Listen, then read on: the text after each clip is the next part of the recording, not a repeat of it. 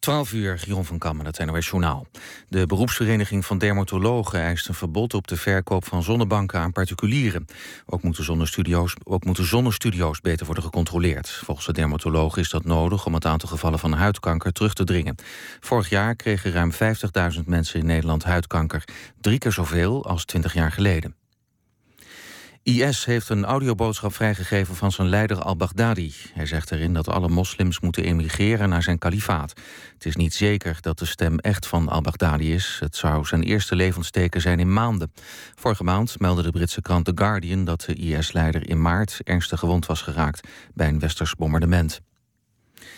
De president van Burundi zegt dat hij weer terug is in zijn land. Gisteren pleegde een generaal in Burundi een staatsgreep.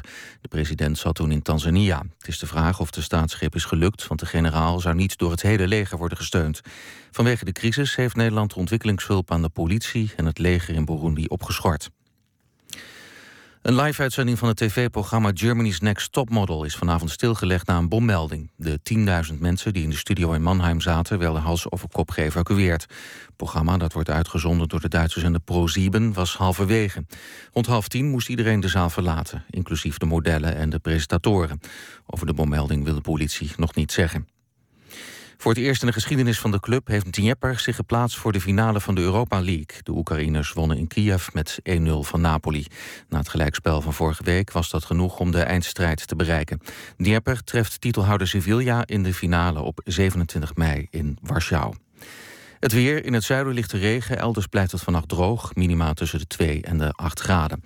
Morgen trekt de regen in het zuidoosten weg en gaat overal de zon flink schijnen. Het wordt 13 tot 19 graden. Dit was het NOS Journaal. NPO Radio 1. VPRO. Nooit meer slapen.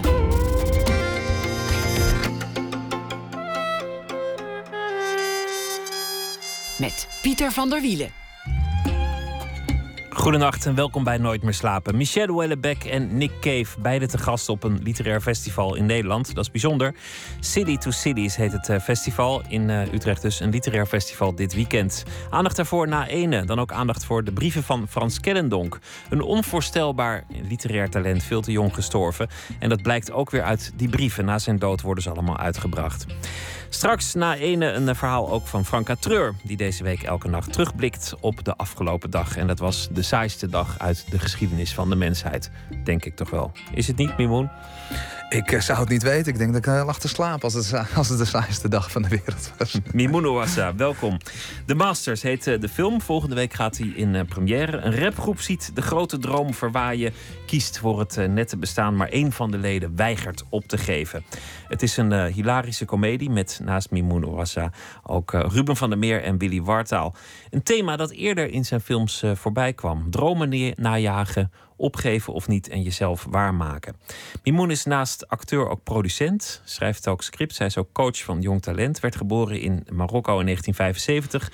Groeide op in Amstelveen. Al vanaf zijn eerste levensjaar na de toneelschool trad hij toe bij uh, toneelgroep Amsterdam. Daar deed hij Shakespeare onder andere.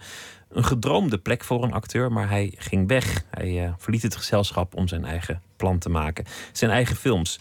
Hij was medebedenker en hoofdrolspeler in uh, Shoef Shoef Habibi tien jaar geleden. Een onvoorstelbaar succes. Meer dan 300.000 bioscoopbezoekers.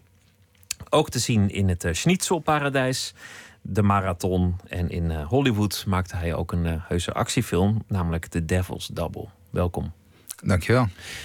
Had het ooit gekund dat je had opgegeven? Dat je dat je, je droom niet had nagejaagd en in een ander bestaan was verzand? Um, nee, niet echt. In die zin, uh, ja, je doet altijd maar pogingen om te bereiken wat je wil. En meestal kom je toch uh, op minder uit, om maar zo te zeggen. Maar ik vind wel de kunst om te kijken hoe ver je dan kan komen. Dat zijn meestal ook wel de mensen die mij uh, inspireren. De, de, grote verhalen. Ik weet nog dat ik ja, echt een jaar of twaalf was of zo. Toen zag ik Rocky met Sylvester, Sylvester Stallone. Ja. ja, maar het leuke is dat dat uh, die film, natuurlijk als je 10, 12 bent, vind je zo'n film fantastisch, zo'n bokser en zo'n.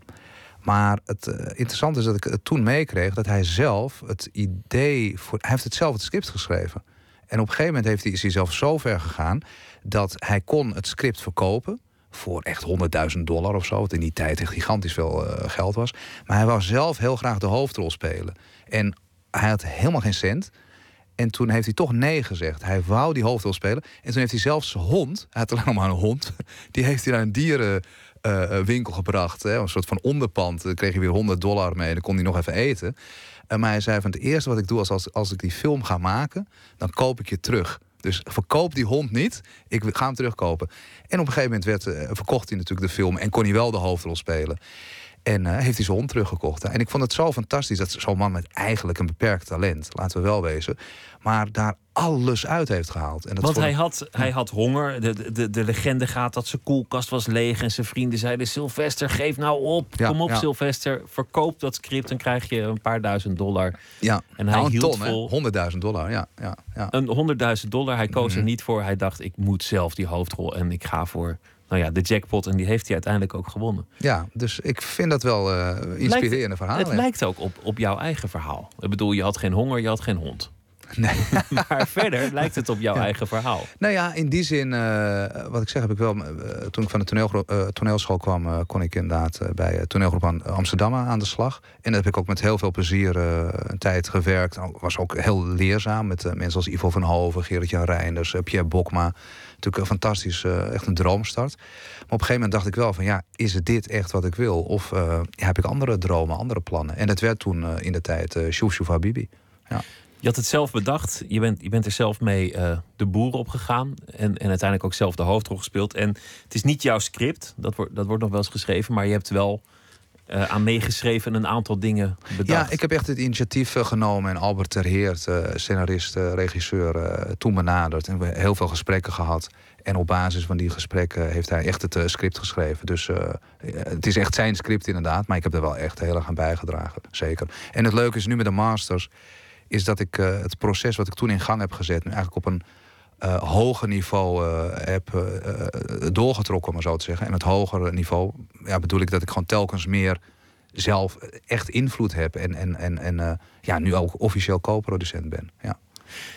Het plan was je eigen ding maken. Want als acteur kun je nou ja, wachten tot je gevraagd wordt. Dan, dan krijg je een film. Dat kan heel mooi worden. Dat kan wat minder mooi worden. Maar je zit toch in een afhankelijke positie van degene die jou bellen. Ja. Welke rol krijg ik? Welke rol krijg ik niet? Audities doen. Dat is het bestaan. Niks op tegen. Maar, maar jouw plan was: ik wil, wil verder. Ik wil, dat, ik wil dat zelf doen. ja, zeker. Want voor mij is de basis van het eh, hele acteren is verhalen vertellen. Is dat je een verhaal vertelt. En eh, natuurlijk kun je in het verhaal van iemand anders meedoen. Zoals bijvoorbeeld in, in de marathon. Nou, fantastisch. Dat, eh, dat is- daar, daar wil ik elk moment aan meedoen, aan dat soort films. Eh, maar eh, ja, niet alle films zijn even interessant. Of alle series. En eh, ik wil verha- verhalen vertellen. Dus wat is leuker dan meedoen in verhalen van anderen. Maar ook zelf verhalen opzetten. En daar weer anderen bij uitnodigen. Re- een regisseur, een, de acteurs, de producenten, noem maar op. Ja. Hoe lang liep je al rond met het idee voor de Masters? Nou, ik heb daar nu. Acht jaar geleden ben ik daarmee begonnen. Dat was na het Schnitzelparadijs. Toen namen we een eh, videoclip op om de film te promoten. En dat vond ik zo leuk, die setting, de rapwereld. Voor mij was het heel nieuw. Ik wist er helemaal niks van.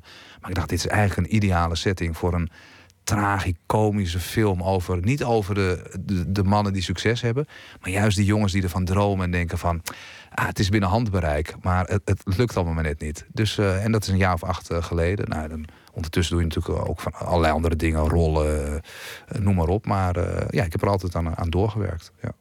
Je rapt ook in de film. Niet onverdienstelijk, moet ik zeggen. Dankjewel. Dat, Heb je, heb je er hard op geoefend?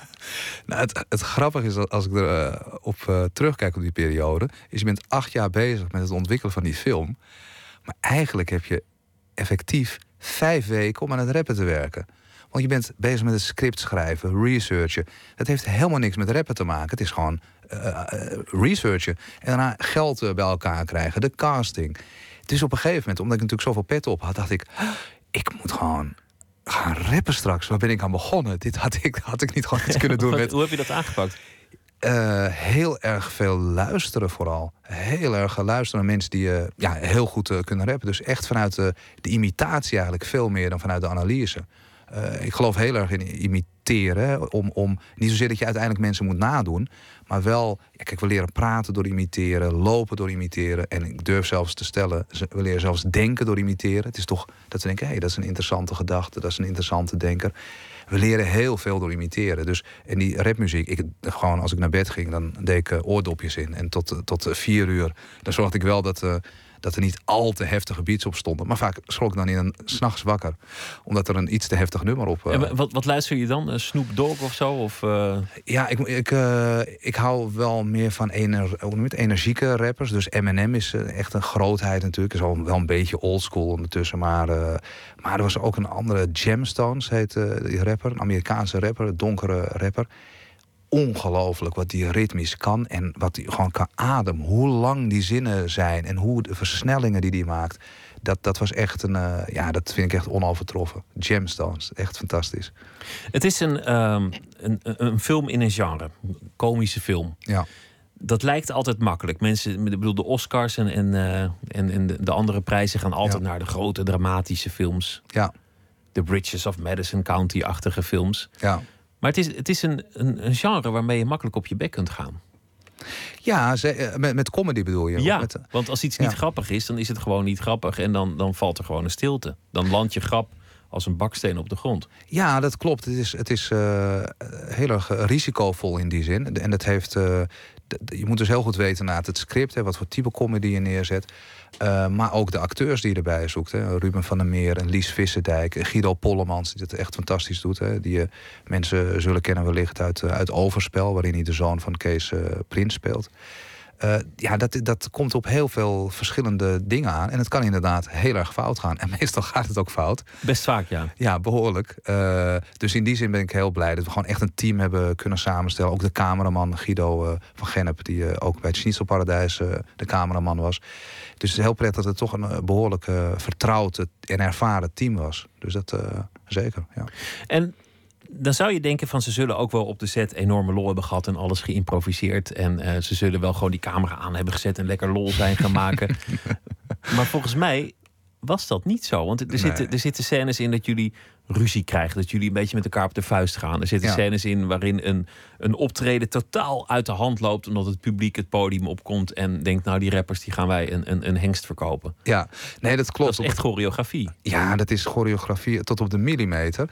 Eh, eh, kijk, de situatie in het script is dat mijn personage probeert iedereen te overtuigen. Die andere jongens van, kom op jongens, we gaan het nog één keer proberen. Zij zeggen, ja, doei, eh, we, komen er niet meer tussen. En ik zeg, ik heb een optreden geregeld. Nou, dat is dan op een verjaardag van een 16-jarig meisje. Zij denken, jongen, hou op. Ik zeg, kom op, eh, zijn we rappers of niet? En eh, alleen het meisje is, eh, is jarig. En op een gegeven moment willen ze het podium op om haar te... Ja, gewoon eh, eh, 3, 2, 1, ze tellen af om Happy Birthday in te zetten. Maar ik denk, ik heb die microfoon vast. Ik geef hem echt niet meer weg. Nou, dat loopt uit de hand. En op een gegeven moment ontstaat er nou een gevecht met pubers... waarin we eigenlijk gewoon in elkaar geslagen worden door eh 15-jarigen. Maar die scène zelf...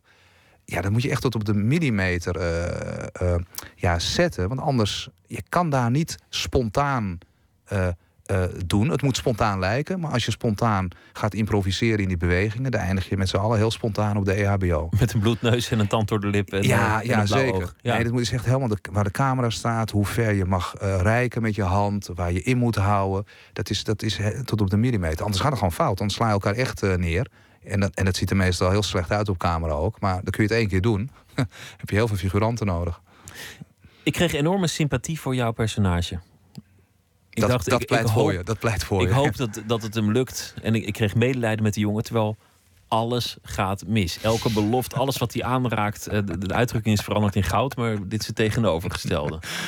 Ja, dat klopt. Kijk, voor mij zit comedy toch ook vaak in ja, het proberen. Het proberen. En, ja, en als het wel lukt, dan heb je niet echt comedy. Of tenminste, heb je een andere type comedy. Ik kan niet weten hoe je dat type zou moeten omschrijven. Maar voor mij is het toch... Het, het, het- af en toe moet er wel iets lukken natuurlijk. Dat er wel iets van hoop is. Maar ja, het meest komisch is toch gewoon als het, eh, als het, als het niet gaat zoals het personage wil. Maar dat is, dat is nog best ingewikkeld, want je ziet ergens aankomen dat het niet gaat lukken, want, want je Hmm. kent het genre. Maar die jongen wordt ook niet sympathiek als al zijn beloftes niet uitkomen. Dus dat Mm. moet, moet er ook nog in zitten. En de spanning moet, moet blijven. Dus al met al is er volgens mij stiekem heel veel werk in gaan zitten. Ja, zeker. Dat, dat, eh, kijk, die acht jaar gaan natuurlijk niet zitten in het, in het schrijven van het eh, script alleen. Je eh, wat ik al zei, niet acht jaar fulltime mee bezig.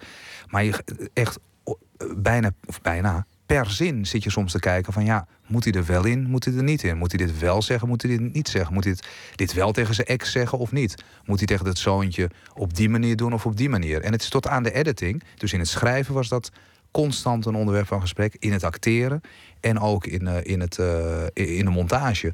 En dat, dat was voor mij een rol, hè, wat, echt de hoofdrol is, het moeilijkst, omdat ik het, uh, mijn personage draagt ook het verhaal. Uh, kijk, de rol die Ruben van der Meer neerzette, fantastisch. Maar die, die, die, dat is een soort gokverslaafde. Die jat van zijn moeder. Hij woont nog bij zijn moeder. En hij steelt ook van zijn moeder om zijn gokverslaving te kunnen financieren. Dat, ja, als je dat de hoofdpersoon laat doen, ja, dan ben je het publiek wel kwijt, vrees ik. Dus dat is, het was een hele, ja, hele, hele, hele ja, pittige balans uh, om te vinden. Maar ja, ik, ik denk dat we daar wel uh, in geslaagd zijn. Want hij wil uiteindelijk iets, hij heeft die, die droom. En uiteindelijk is het ook een hele tragische film in, in die zin grappig, maar de, de onderlaag is, is toch heel, ja. heel tragisch. Ja, zeker. Dat zijn films uh, waar ik uh, zelf ook van hou. Is dat het, dat het communiceert, hè, dat, het, dat het toegankelijk is. Dat je niet. Uh, ik dat je niet een hoogleraar moet zijn om de film en de, en de zegging te snappen. Het moet gewoon prettig kijken. Maar tegelijkertijd is het ook wel ja, mooi dat er een verhaal in zit. Dat je meegaat, dat je meevoelt. En dat de film iets vertelt. En dat, ja, het gaat inderdaad echt over iemand die weigert om zijn droom los te laten. Terwijl alles om hem heen zegt: Jongen, word wakker. Het wordt niks. Doe het niet. nou mee. Ja, maar het, het, en het, het interessante is dat uh, ik met Ruud uh, Schuurman, met, uh, met mijn medescenarist en regisseur, heb het vaak over ja, ja, het, het type gehad, hè, het, het, dit type personage. Maar er zijn documentaires gemaakt over jongens die hier best wel op lijken. Die dan gewoon echt al twee kinderen hebben. En die vrouw die zegt, ja, wanneer breng je nou een keer geld op tafel? En dan zitten ze in een soort van uh, uh, tot studio omgebouwde IKEA-kast. Met allemaal boksen en, en beats en dingen. En je ziet gewoon, het gaat nergens heen. Ik, ja, heb wel eens, ik heb wel eens een man geïnterviewd die, die had een uitvinding gedaan. Een, een eigenlijk best een, klunzige uitvinding. Ja. En die woonde in een, in een caravan. En zijn vriendin was bij hem weg. En hij bleef maar wachten tot zijn uitvinding door de wereld zou worden opgemerkt. Ja, maar weet je wat het is? Ik, ik heb, mijn sympathie heeft hij. Want waarom. De mijne ook. Ja, waarom, waarom zou je dat niet doen? Wat is het, wat waarom, waarom is het uh, per definitie dan slim en volwassen om te zeggen van oké, okay, laat me gaan. Ik, ik laat me dromen voor, voor, voor, wat ze waren. En dat was toen ik kind was. En nu ga ik. Wat dan? Was het alternatief? Het was, dus het was geloof ik een, ja. een, um, een, een, apparaat om het laatste stukje tandpasta uit de tube te, te, te persen. Dat was de, de, de uitvinding. Heb je zijn nummer nog? Dit is een gat in de markt. ja, ja, nou, het, was, het, het, is een beetje tragisch om erom te lachen. Maar ja. jij, jij noemde Rocky. Mohammed Ali heeft ooit gezegd... het verschil tussen een gek en een genie is het slagen van het plan. Ja. En, en daar zit toch wel wat in. Ja, ja, ja, zeker. Ja, dat ligt heel dicht uh, bij elkaar. Je moet toch ook ergens. Uh, het, het, is een hele dunne grens tussen. Ik zou maar zeggen, arrogantie en overmoed aan de ene kant. en een blind vertrouwen in de andere kant. En ik moet je zeggen, als ik geweten had, bij Shoef in de tijd, maar ook bij de Masters, hoe ingewikkeld het is om zo'n film van de grond te krijgen. En op hoeveel punten het fout kan gaan. Ja, dan begin je er volgens mij helemaal niet Zeiden mensen dat ook tegen je? Jongen, doe het nou niet, kom op. Oh ja, nee, ik weet nog echt in de tijd bij uh, Toneel op Amsterdam. Toen lachten een aantal mensen me gewoon echt in mijn gezicht uit. Niet veel hoor, maar die zeiden van... oh, serieus, je gaat weg omdat je een film wil maken? Nou, veel succes. Oh. Want het, het, was een gedroomde baan. Je noemde Pierre Bokma ooit ja. je grote voorbeeld. Ik geloof Zeker, zelfs, als ik goed geïnformeerd ben... dat hij de acteur was die je had gezien toen je besloot zelf acteur te worden. Ja, voor, ja in die zin uh, vond ik hem in Richard III, zeg wel 10, 12 jaar geleden. Ja, dat vond ik echt meesterlijk. Omdat hij daar gewoon en heel goed speelde. Dus gewoon uh, qua emotie en uh, karakter. Maar ook die retoriek, hè, de taal, hoe die met die, met die monologen omging en dialogen, was echt fantastisch. Dus ja, hem heb ik gewoon wel echt gestalkt. Dat is gewoon, denk ik wel, de definitie van stalken. Maar dat is dan ja. je, je icoon, ja. je, je, je idool. En dan is het een collega. Je, dus je zit eigenlijk heel snel in je loopbaan op hetzelfde niveau. Ja, in ieder geval qua, qua gezelschap. Ja. Qua gezelschap bedoel ik. ik bedoel, tuurlijk, uh, tuurlijk. dat zijn anderen om te oordelen. Of, of, maar je gaf dat op. Dus je was eigenlijk al heel snel op die plek waar je ooit van gedroomd had. Ja. En toen dacht je, er is een grotere droom. Ik wil iets anders. Ja, ja, zeker. Waar ik toen achter kwam was dat, uh, dat het. Uh, want dat was een soort van acteursdroom. Hè, van ik wil goed worden. Nou, dat is een heel gezond uh, verlangen in het begin van je carrière. Dat je gewoon goed wil worden. Maar al gauw diende zich de vraag aan bij mezelf: van ja, wat wil ik dan daarmee vertellen? Waar wil ik dat talent, hoe die techniek dan voor inzetten? En toen kwam ik erachter dat ja, theater in ieder geval in die tijd, ik, weet niet hoe, dat nu is, maar in ieder geval in die tijd was toch vooral, vooral repertoire, toneelstukken, natuurlijk fantastische stukken van Shakespeare, de Grieken, Tsjechov. Allemaal echt fantastisch hoe het in elkaar zit. Maar ik wilde uh, toch ook gewoon iets wat dichter op de tijd zit. Iets, iets wat, wat, wat. Want veel mensen zouden zeggen: Shakespeare, dat staat uh, zo hoog op de ladder. En, en uh, het Schnitzelparadijs. Nou ja, dat is leuk. Ja, ja. Maar, maar dat heeft niet die status. Nee, kijk, er zijn natuurlijk duizenden en één verschillen. En voor mij is dat Shakespeare in die zin technisch. En weet ik van natuurlijk gewoon, daar hoeven we niet eens over te hebben. Dat is echt op, dat is, dat, dat is een wereld op zich. maar als het gaat om uh, het publiek aanspreken en dicht op de tijd zitten. Ik vind het echt super. Of het nou Shushu Habibi was of het Schnitzelparadijs en hopelijk ook de Masters. Is dat er een breed publiek heen gaat. Wat uh, wellicht zichzelf erin herkent of iemand anders erom kan lachen. En dat is toch ja, wat, wat mensen als Tsjechov en Shakespeare en, de Grieken gewoon in hun tijd deden. Is ze zaten ook bovenop hun tijd. Dus ik vind het fantastisch hoor dat die stukken gespeeld blijven worden. Maar ja, ik vind het ook heel belangrijk dat er verhalen zijn en, en, films die gewoon dichter op de tijd zitten. Ja. We gaan uh, luisteren naar uh, Tobias Jesso Jr. Want aanstaand weekend in Amsterdam wordt het 60-jarig bestaan van de beroemde platenzaak Concerto gevierd. Met een avond in de Tolhuistuin. Hij zal er optreden, die Tobias Jesso Jr. Hier het nummer How Could You Babe.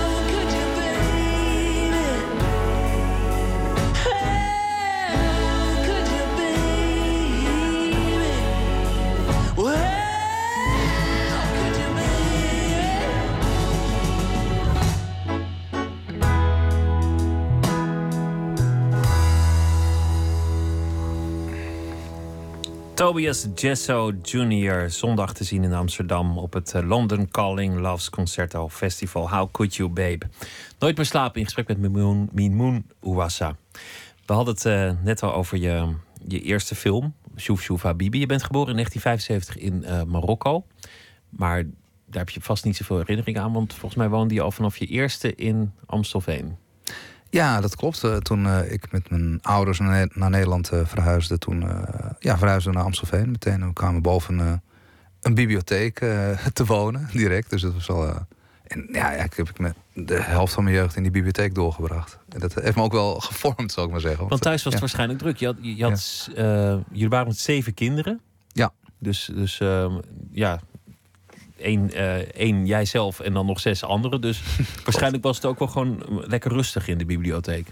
Ja, nee, ik hield op zich wel heel erg van drukte hoor. Nee, het was meer gewoon wat, wat er was. De boeken die mij aanspraken. Gewoon dat je in, in een paar uur door zo'n boek heen kon gaan. En, en datgene wat iemand in jaren eh, onderzocht had. Of, of een verhaal wat iemand jarenlang uh, had bedacht en aangewerkt. Dat je dat in een paar uur tot je kon nemen. Dat vond ik fantastisch. Het is altijd een beetje afsnijden. Hè? Iemand die doet uh, jaren over een boek en jij kan in een paar uur dat werk van jaren tot je nemen. Dat is fantastisch, maar er is natuurlijk onze hele beschaving opgebouwd. Dat we ja, kinderen naar school sturen, zodat ze niet uh, de Nederlandse taal zelf hoeven te ontdekken, of wiskunde of wat dan ook, maar dat ze het, uh, dat ze het heel snel kunnen leren. Dus ik, ik geloof daar heilig in. Ja. ja. Wat, voor, wat voor dingen las je? Eigenlijk van alles en nog wat. geschiedenisboeken, vooral veel over de Tweede Wereldoorlog, Eerste Wereldoorlog. Uh, maar de chameleon en dat soort jeugdboeken natuurlijk allemaal. Eigenlijk van alles en nog wat. Alles wat maar een beetje populair wetenschappelijk was. Of, of, of, of, of stripboeken. Echt alle kanten op. Alle kanten. Mensen die jou kennen, die, die zeiden van ja, hij had net zo goed dokter kunnen worden, of, of professor, of, of hoogleraar in iets. Of, ik weet niet of die mensen door mij geopereerd zouden willen worden, die zeggen had dokter kunnen worden. Maar, maar uh, nee, dat klopt. Ik heb uh, dus een beetje met mijn halve jeugd in de bibliotheek gewoond. En uiteindelijk ben ik naar het gymnasium gegaan met een best wel exact vakkenpakket van scheikunde tot wiskunde, biologie, natuurkunde. Dat, en dat fascineert me nog steeds, die vakken, dat, dat hele wetenschappelijke. Ik ben natuurlijk geen wetenschapper, maar ik probeer wel. Uh, ja, het heeft wel mijn interesse heel erg. Naast het acteren, wat natuurlijk veel meer een. Ja, hoe zeg je, meer een alfa-vak is eigenlijk. Meer, meer uh, met taal, uh, psychologie. En, dus ik, ik, ik, ik vind beide zaken wel interessant, ja. In veel van jouw films, dat, dat, dat zei ik net al, komt een zekere mate van ambitie terug. De, ja. de personages. Dat is natuurlijk ook omdat het makkelijk is om een film te maken waarin iemand iets wil. Dat, dat filmt wat makkelijker dan wanneer iemand helemaal niets wil. Ja. Maar het lijkt ook bij jou te passen. Was je een ambitieuze jongen? Ja, zeker. Ik, ik, ik nog steeds uh, denk ik. Uh, ik vind het wel prettig om te kijken. Kijk, er zijn altijd duizenden redenen waarom het niet zou lukken om je droom te realiseren, of wat je dan ook wil. Uh, maar het is altijd wel leuk om te kijken naar die, om die ene reden te zoeken waarom het wel lukt. En dat, uh, dus dat, nee, dat heb ik altijd wel gehad. Of het nou het voetbalveld was. Ik herinner me dat ik uh, 10, 11 was en dat ik op een voetbalclub zat bij ons in de buurt. En dan uh, speelde je zelf gewoon met het jeugdteam tot een uur of, ik wel, uur of 12. En dan was die wedstrijd afgelopen. Maar ik dacht van ja, nu begint het pas. Dus ik had altijd mijn voetbaltas bij me. Ik was dan een soort van constant stand-by reserve voor acht of negen elftallen. Omdat ik dacht van ja, als er iemand uitvalt, geblesseerd of weet ik veel, iemand komt niet opdagen, dan, dan ben ik daar gewoon. Is dat ook een, een, een droom geweest om, om profvoetballer te worden? Heb je daar gedacht? Ja, natuurlijk. Ik bedoel, het feit dat Ieder ik acteur, acteur, acteur nee, maar acteur ben geworden, dat is gewoon echt omdat het uh, voetballen niet gelukt is. Nee, dat is toch fantastisch. Ik bedoel, dat, dat, dat, dat, dat, dat, nee, dat vond ik geweldig. Nog steeds voetballen? Nee, nee, helemaal niet. Nee, toen ik op een gegeven moment... Ik heb één keer kon ik een selectiewedstrijd doen voor Ajax. Nou, toen heb ik helaas te licht bevonden. Ik was 14 en waarschijnlijk ook gewoon niet genoeg talent hoor. Ik kon heel goed verdedigen, maar dat aanvallen zat er niet zo in. En, uh, maar toen ik er eigenlijk ook uh, vrij vlot mee gestopt, dacht ik ja, nou, het is of gewoon mee met de top of uh, ik ga wat anders doen. En uiteindelijk is het acteren geworden. En je ouders in, in, in meerdere films spelen die ook een rol? Ofwel dat ze, dat ze, dat ze gewoon hun Marokkaanse ouders die hun jongeren niet meer kunnen, hun kinderen niet meer kunnen volgen, denken Mhm. van nou ja, dit, is, dit, is dit van mij? Ik weet niet welke kant het op gaat. Ofwel die, die zo fanatiek hun kinderen de wereld in, in sturen van mij is niet alles gelukt, maar jou gaat het wel lukken. Hoe, Mm. waar, aan welke kant zaten jouw ouders ongeveer? in dat spectrum? Mm, nou, ergens. eh, In die zin eh, hebben mijn ouders me altijd wel gestimuleerd om er wel iets, eh, iets van te maken, om maar zo te zeggen. Dus kijk, mijn moeder is, is eh, analfabeet. Weet je wel, een hele lieve vrouw. Maar ja, niet. Ik bedoel, ik woonde in de bibliotheek, maar zij, ze hebben nog nooit een boek gelezen, om maar zo te zeggen. En mijn vader is wel wat, wat veel belezener. Maar als het gaat om het Nederlands, ja, toen ik 12, 13 was, sprak ik natuurlijk al veel beter Nederlands eh, dan hij. Eh, maar hij heeft altijd wel gezegd van, ja, maak er wat van. Je kan hier naar school tot je 18 of tot je 25 als je wil. Maak er wat van. En dat heb ik altijd wel eh, met ter, ter harte genomen. ja. Het is waarschijnlijk ook, want dat is waarom mensen toch voor een deel ook migreren. Om, om hun ka- kinderen kansen te geven die ze zelf niet hebben waar ze vandaan komen. Ja, ja. De- dat is, ik bedoel, je bent hier nu, ik ben hierheen gekomen. Ik had niet gedacht hier te blijven, maar jij moet er wat van maken. Ja, ja, zeker. En, en die opoffering, zou ik maar zeggen. Want mijn vader was volgens mij echt de 16 toen hij zelf uit zijn dorp wegtrok. En tegen de zin van zijn vader in. Want die, die waren, die denk, ja, waar ga je heen? Moet je daar dan? Ja, ja dus, dus die wilde het gezin natuurlijk liever bij elkaar houden. Maar heel eh, vroeg was hij dus gewoon door armoede gedwongen om volwassen te zijn en, en te handelen. En eh, ja, dit is eigenlijk voor, al die, voor heel veel migranten geldt dat. Dat je natuurlijk gewoon heel veel moet opgeven daar om ergens anders heen te gaan. Dus dat, dat, dat, eh, dat heb ik wel eh, meegekregen. Zonder dat mijn vader dat eh, elke keer weer... je vader Je heeft van, opgeofferd. hey, ik ben hier niet gekomen om jou... Oh ja, precies, kom op. Nee, dat, dat viel ook wel weer mee. Maar dat, dat, dat, dat, dat, ja, dat, dat krijg je natuurlijk wel mee. Je bent als kind niet, niet blind. Je ziet, je ziet dat, het, dat het niet vanzelf is gegaan. Ja. Dat acteren, je, je noemde net al Pierre Bokma, die je zag optreden in, in Richard III, eh zei je geloof ik. Ja. En dat je, dat je zo onder de indruk was dat je dacht, dit, dit zou ik moeten doen. Ja, zeg maar eh, Jeroen eh, Willems eh, in de tijd, nou, die natuurlijk veel te, veel te vroeg is overleden, veel te jong is overleden. Maar die heb ik ook gewoon gestalkt van je moet me lesgeven. Die zag ik bij Hollandia in de tijd. Nou, dat was een fantastische voorstelling met Johan Simons, Paul Koek, Elsie de Brouw. Die speelde de Persen, Griekse tragedie. In een, in een soort kapotte autofabriek of oude autofabriek, weet je. Ja, dat was fantastisch. Echt het snijpunt van. Ze waren technisch ontzettend goed als acteurs en qua taal. Eh, de- het inlevingsvermogen, maar de muzikaliteit die zo'n Paul Koek er ook in bracht. Ja, dat, ik vond het fantastisch. Ik heb het een aantal. Het was een hele rit om daar te komen met de trein en bussen. Maar ik heb die voorstelling denk ik ook vijf, zes keer gezien. Echt Hoe, fantastisch. hoe kwam je in eerste instantie eh, op het idee om naar theater te gaan? Want, want toen was je 16, 17. Veel, veel jongens van die leeftijd, die, die, nou ja, net als jij zelf, geven Ja. misschien de voorkeur aan voetbal. Ja, ze, nou, bij mij kwam het eh, eigenlijk door een uit de hand gelopen spreekbeurt op de, op, op, op, op, het, op de middelbare school. Het was over, volgens mij over kort Amerikaans van Jan Wolkers. En je had dan tien minuten. En heel veel mensen die, ja, die maakten er vijf minuten van. Want niemand vindt het natuurlijk leuk om voor de klas te staan. Ik daarentegen, ik vond het hartstikke leuk. En het, eh, dat, dat, dus ik ging ook vertellen dat het een heel mooi boek was. Maar dat ik het, als ik het had geschreven, dat ik het anders had aangepakt qua structuur en dingen. Nou, en die leraar, lekker onbescheiden. Zo. ja, ja, ja, nee, het was ook meer een soort cabaret-act dan dat ik dat... eh, maar, en die, eh, die docent die zat zo'n beetje te kijken, leren Nederlands. Was een hele eh, pintere man, blijkt achteraf. Want hij zei van, na dat, dat uur... Sterker nog, hij, gaf me nog een uur. Dus ik heb twee uur daar gewoon het verhaal mogen doen. Zei hij, volgens mij moet jij naar de toneelschool. En toen keek ik hem aan. Ik had er nooit over nagedacht. Maar toen dacht ik, misschien heb je wel gelijk. En toen heb ik het geprobeerd.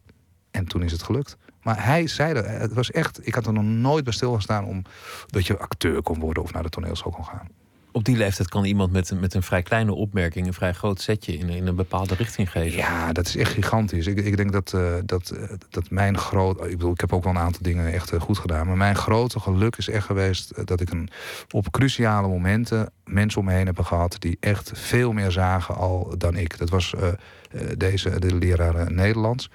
Maar ook op de toneelschool heb ik een ongelooflijk goede mentor gehad. Die me eigenlijk telkens de juiste momenten even een tikje de goede kant op heeft ge- gegeven. Of, of, of de juiste inzichten. Dat, eh, dat, ja, dat, dat belang is echt eh, niet te overschatten.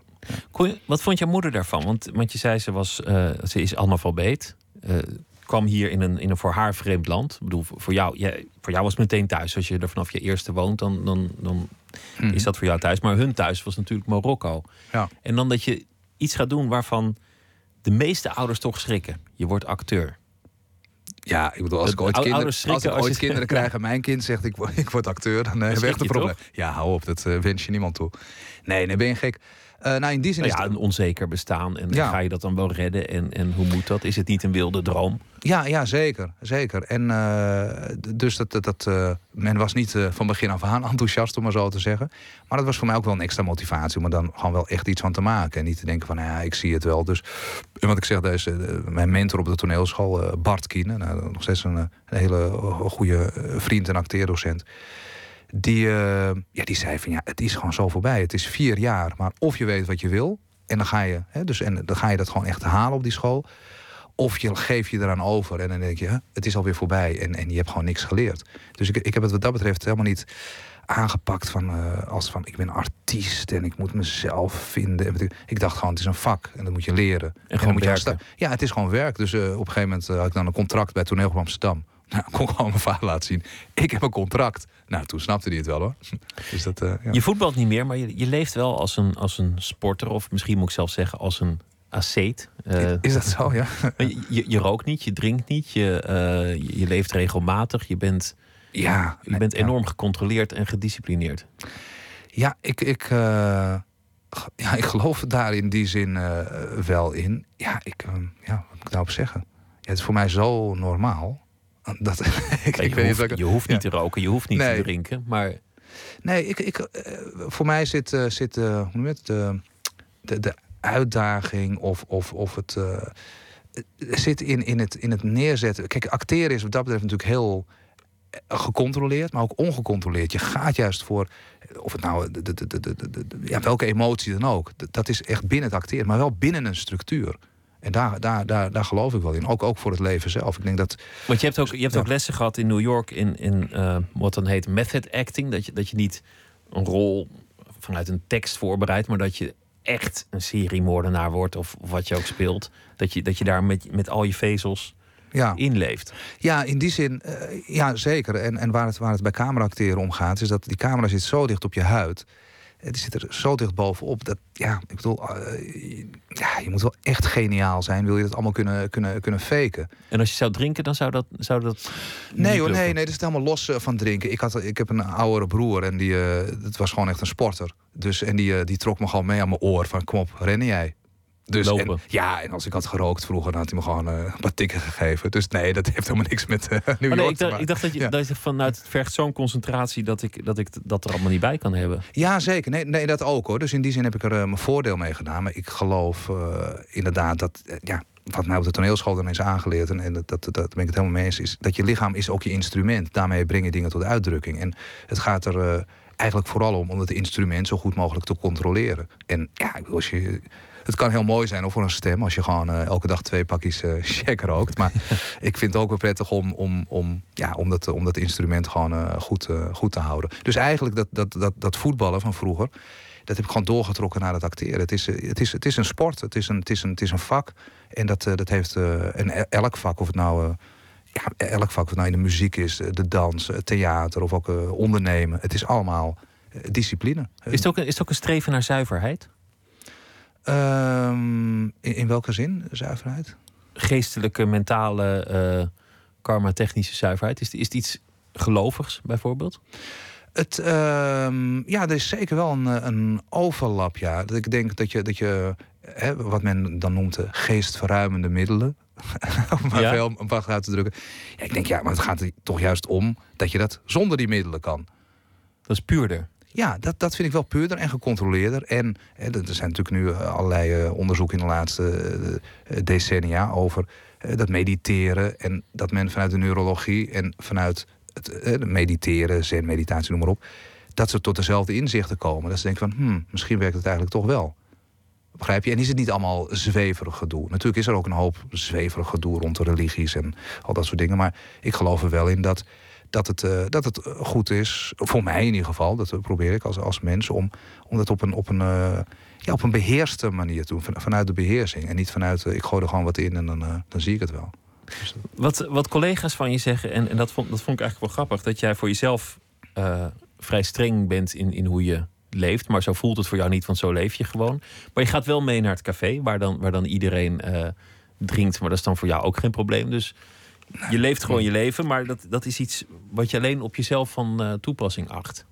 Ja, ja, zeker. Nee, nee, het laatste wat je mo- moet doen is je met andere, ja, is je met anderen bemoeien. Nee, nee, nee. Of eh, bemoeien. Ik bedoel, het is natuurlijk ook niet eh, hoe noem je het, eh, eh, desinteresse. Maar nee, maar ik geloof dat, dat er zijn gewoon heel veel verschillende manieren en wegen om te bereiken wat je wil. En, en, en of dat nou met drank is of met, met sigaretten en dat, dat je daar prettig bij voelt. Of zonder. Voor mij werkt dit. En is het inderdaad zo'n automatisme. Dat ik eigenlijk, ik zou niet weten hoe je het anders eh, zou moeten doen. Maar het is niet zo dat ik denk, oh, iedereen zou zus of zo. Nee, nee. Dat, nou ja, dat- dus, eh, je zou ze een, eh, een kwartje moeten geven die dat wel doen. Dat ja, maar ik, gebeurt veel. ja, ja, zeker. Maar ik, ik denk dat dat, ehm, ja, dat is gewoon echt een, eh, echt een vergissing. In, in veel films, en, en dat vond ik komisch, eh, wordt er nogal ruw omgesprongen met eh, vooroordelen tussen alle groepen. Er, wordt er wordt gewoon pret over gemaakt. Volgens mij is dat ook gewoon het beste. Laten, laten we er ook een beetje lol om hebben. Ja, Het vooroordeel wat dan tegen Nederlanders. Ik heb de Marokkanen die, die stelen zijn onbetrouwbaar. Die, die, die praten met, met halve fal- falsetstemmen en et cetera. En de Nederlanders die hebben eigenlijk toch bij voorkeur een drankprobleem. vertel. Wil je erover praten? Ja, het valt wel mee. Nee, maar ja, in die films moest ik erom lachen. Dat, dat, je ziet de man meestal toch met een biertje op de bank of met een biertje daar. Of, eh, Ja, nee, kijk, moet je zeggen, dat, dat was in Sjoef inderdaad, w- speelde dat een belangrijke rol. In de Masters is het zo dat het eigenlijk geen enkele rol meer speelt. Eh, en het, dat was ook voor mij uit hoor, eh, bewust. Ik denk, eh, ik, ik ben dat eh, voorbij, om maar zo te zeggen. In, in en Schnitzelparadijs speelde het nog een rol. Maar nu denk ik, ja, speelt het in mijn leven nou eigenlijk zo'n grote rol? En in de mensen. je bedoelt vooroordelen tussen groepen. Ben ik daar Ja. nog mee bezig? Nee, eigenlijk helemaal niet. Helemaal niet. En dat vind ik heel prettig dat, dat eh, nou, een ontwikkeling die in, in landen als Amerika, die een veel langere integratie of eh, migratiegeschiedenis heeft, maar ook een veel langere eh, echte filmgeschiedenis. een veel een grotere filmtraditie. Ja, dan zie je dat mensen als eh, Will Smith en Denzel Washington en de, de Nero's en noem maar op. Ja, die komen uit allerlei hoeken en gaten. Italiaanse achtergrond, Afro-American. En die spelen gewoon rollen. En heel soms heeft het te maken met die achtergrond, maar in 90% van de gevallen niet. eh, niet. En dan gaan we, daar wil ik in, in, eh, zelf ook heen. En de, de Masters is daar een, een hele grote stap in, denk ik. Want het is gewoon een realiteit en de film gaat gewoon over een realiteit. En Ja, zeker. Alsof mensen eh, maar, permanent bemoe- benoemen wie wat is. En, nee, alsof mensen alleen maar worden gedefinieerd door waar ze vandaan komen. In mijn ervaring is het helemaal niet zo. Eh, Mensen zijn gewoon bezig. Nou, men wordt wakker en dan, oké, wat ga ik doen met mijn dag? Wat ga ik doen met mijn leven? En, en eh, dat is, dat is ik echt niet alsof ik de hele dag denk van, goh, wat voel ik me toch Marokkaans vandaag? Of goh, wat voel ik me Nederlands? Of echt, echt, totaal niet, geen seconde. toch, is het, toch is het fijn en verfrissend. Ook, ook in de film De Marathon, waar daar speelde hij dan een Egyptenaar. En- ja, en- een stukje Ja, typecasting. ja, waarom ook niet? Ja. Maar ik vond het wel een interessante rol, want hij is in het begin het, het, eh, het lulletje. Hij doet Mhm. al het werk en die jongens die, die maken harde grappen over... eh, nou, zo, zo komen de piramides nooit af. Ja, ja. Later in de film is hij eigenlijk de, de gangmaker die de rest in beweging zet en, en zegt... Hebben jullie wel eens gedacht aan hardlopen? Nou ja, en hoe de film zich verder ontvouwt. Ja, ja zeker. Het is een hele eh, mooie, eh, mooi geschreven script natuurlijk, maar ook een heel, hele mooie eh, rol, sowieso hoe die is geschreven. Is ja, die jongen ontwikkelt echt op een hele interessante manier. Hij wordt echt de vertrouweling van de hoofdpersoon, van Stefan de Wallen. Eigenlijk is mijn karakter de enige die het weet tot driekwart van de film of zo. Dus dat, dat, is, dat is een hele. Ja, dat vind ik echt heel mooi geschreven. Ja. En, en daarom vond ik, vond ik ook dat mooi. Omdat in eerste instantie is het misschien wel... Kijk, dat is die Egyptenaar. eh, en dan, dan een grap over een kameel en een, en een piramide. Mhm. Maar even later verwerft hij zich een, een positie van waaruit hij... eh, Ja. nou ja, zelfs de baas is feitelijk. Ja, zeker gaan mensen hem zien eh, voor, voor wat hij is. Kijken ze door die afkomst heen en, en zien ze hem voor wat hij voor hen kan betekenen ook. En ik denk dat dat eigenlijk wel een hele mooie metafoor is. Want ja, de mensen die klagen over, weet ik wel, hoofddoekjes en weet ik wat allemaal. Ja, op een gegeven moment, dat zijn toch de meiden en jongens die straks eh, in het verzorgingstehuis aan die bedden staan hoor. Want dat is, dat, is, dat, is, dat is de situatie. En in die zin is het wel tragisch dat, ja, dat er gewoon zoveel talent eh, verloren gaat. Ik bedoel, deels natuurlijk gewoon omdat eh, sommige mensen niet, zelf niet in hun hoe het, kansen geloven. Maar ook aan de andere kant dat, dat mensen soms niet, niet de kansen krijgen die ze verdienen. En dat is het waar, ik, waar eigenlijk ook zo'n film over gaat. En waar ik, ja, wat een centraal thema is in mijn leven. Talent. Er is niks zo ergs als, als eh, talent wat verloren gaat. En dat is, dat is ook individualistisch. Want, want eh, ik vind vaak debatten over integratie een beetje vermoeiend. Ik krijg Ja. altijd een beetje een soort gaapgevoel als, Oh, het, als, ja. als het van die enorme sociologische verhandelingen worden. Oh, maar die, die, die, die, dat- dat- daar hou ik me echt al tien jaar niet meer mee bezig. Nee, dat is een soort. Kijk, het, het leven gaat door. En ondertussen eh, achter zijn vast allerlei interessante analyses op los te laten. Maar ik wil als ik naar mezelf kijk. Ik eh, probeer zo'n film van de grond te krijgen. Ik moet die rol spelen. Ik moet het script eh, schrijven samen met de regisseur. Nou, dat zijn echt, echt al drie dagtaken. Ik lees de analyses wel als ik in een bejaardenhuis zit. Ja. Ja. We gaan luisteren naar eh, soulmuziek. Een van de mooiste nummers ooit gemaakt. Dit keer uitgevoerd door Ovi Wright. En het is een, een spiritual, Motherless Child.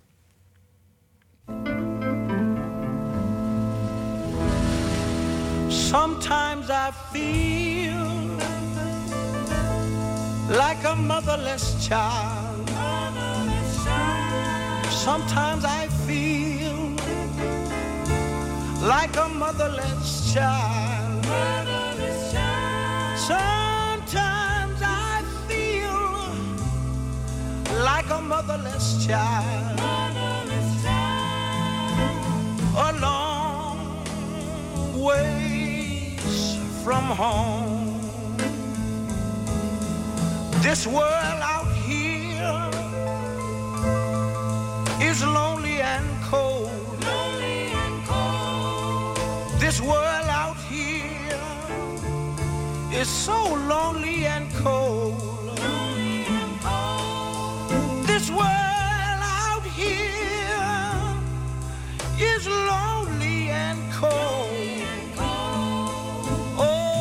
Guess I'll go back home.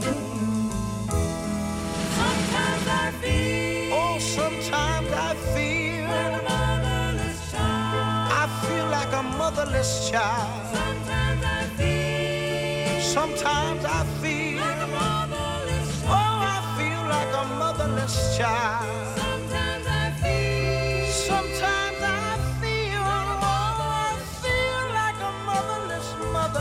Child. Oh, long ways from home. Why did I leave the ones that loved me? Why did I leave the ones that loved me? I guess I'll above me to show me the way back home.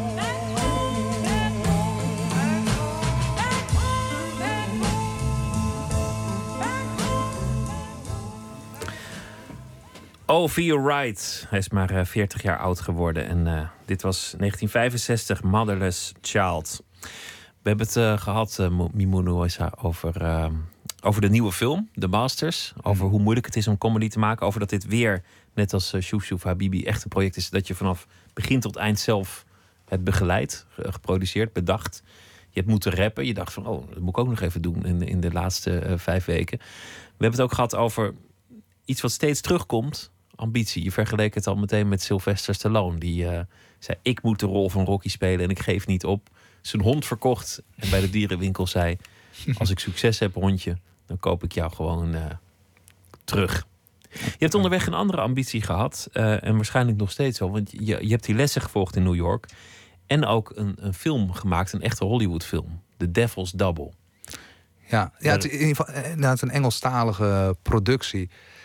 Ja, wat fantastisch is natuurlijk voor elke acteur om mee te maken. Dat er, ja, dus gewoon veel groter budget. Het, het, het, het, eh, eh, het is Engelstalig, dus het was gewoon echt een, eh, gewoon een droomproject eh, om aan mee te werken. Ja, zeker. Schieten, het echte pistool. Ja, het was Ja. Een, een, een ander soort film. Want, want we hebben het tot nu toe gehad over eh, eh, films die allemaal iets gemeen hadden. Schnitzelparadijs, Shoef Shoef Habibi, The Masters, komische films. Ja, ja. Eh, een, een bepaald soort rol Ja. die je daarin speelt. Zit, zit eigenlijk allemaal redelijk in, het- in, het- in dezelfde hoek. Mhm. Deze film was een, een actie-schietfilm met, met eh, veel stunts, grote decors, ja. veel budget. En Ja.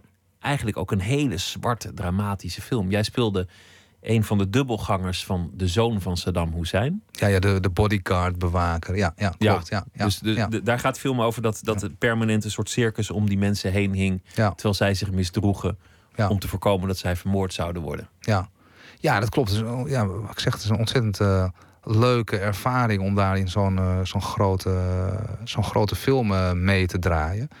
En je ziet dat daar, ja, gewoon, er is gewoon natuurlijk ongelooflijk veel meer geld. Dus op elk departement zitten ongelooflijk veel meer mensen natuurlijk. En, en dat, dat, ja, dat, dat zie je dan ook, ja, het ziet er allemaal fantastisch uit. Ja, kan niet anders zeggen. Ja, En dan, bedoel, in, in Nederland dan, dan werken er tien mensen aan het decor. Ik heb geen idee van die getallen, maar hoeveel hier? 100? Ja, 130, nee, dat loop ik. Ik 140? bedoel, ik, ik had altijd eh, de, de gewoonte, en nog steeds hoor, om iedereen op de set even een handje te geven en dingen. Maar ik, ik kwam aan, ik dacht, waar begin ik? Je ziet gewoon 140 man lopen. Nou, tegen de tijd dat je de laatste een handje hebt gegeven, dan kun je alweer naar huis.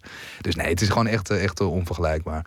En het is ook wel heel erg leuk inderdaad om in een andere, andere type film eh, mee te spelen. Eh, maar in die zin, als ik kijk bijvoorbeeld naar de, naar de Overspel, de bekende serie van de Varen. Ja, is het ook heel leuk om daar een officier van justitie neer te zetten. Met een, ook een andere, ja, de, de totaal andere toon. eh, meer drama, meer, eh, ja, meer thriller-achtig. dus dat is, dat is ook wel heel erg leuk, ja. Maar als je, de, als je de Masters, daar zitten een aantal actiescènes in. Ja. Er, er wordt ook een videoclip en passant even gemaakt. Nou, Ja, een videoclip kan, dus, dat is op zich al heel veel werk. Ja. Dan heb je gewerkt in zo'n film met zoveel meer budget. Ja. Kan je ooit terug? Ja, zeker. Want je ziet gewoon waar het ook aan opgaat. We hebben e- één dag. Ik, wat we dan gedaan hebben, is we kwamen aanrijden met drie auto's. En die moesten precies op één lijn stoppen. Dus, hè, dus eh, met, met één lijn gewoon dat ze recht achter elkaar zaten. Daar hebben we een dag over gedaan. Dacht ik, ja, is dat nou echt de moeite waard? Dus in die zin vind ik het hartstikke leuk om juist met de Masters. We hebben hier 21, 22 draaidagen gehad. We hebben voor de Devil's Double waren we drie, vier maanden bezig. Maar om eigenlijk een, een hele goede film neer te zetten in 21 draaidagen, dat vind ik de uitdaging. Dus Omdat wat, de tijd die je hebt gaat ook een beetje in getut zitten. ja, nee, ik bedoel, de, dingen nemen ook net zoveel tijd eh, als je hebt, eh, zegt men wel eens. Hè? Dus als je zegt, nou ja, we hebben vier maanden om een film te maken, ja, dan ga je inderdaad ook echt elke. alles moet dan per- perfect zijn. Maar in die zin is het wel leuk aan zo'n film als The Masters. Je hebt het script, nou, dat klopt, hè, mensen zijn er enthousiast over. En je hebt heel veel talent aan boord met Ruben van der Meer, Lies Visserdijk, nou, Willy Wartaal, noem maar op. Ja, en dan is het gewoon knallen en kijken wat we, wat we, wat we eruit kunnen halen in die korte tijd. Dus dat, het is, dat was eigenlijk een veel energieker eh, proces eh, voor mij dan urenlang wachten tot, eh, tot, tot de camera eindelijk een keer staat. Dus dat, de- nee, het, het, het, het, ziet er groot uit en het is ook wel heel leuk om daarin mee te draaien. Maar ik, dat, de Masters is wat dat betreft gewoon echt veel ja, levendiger en spannender. Van halen we het en hebben we genoeg tijd? En, En je eigen project, wat natuurlijk Ja. altijd mooier is. Wat, Ja.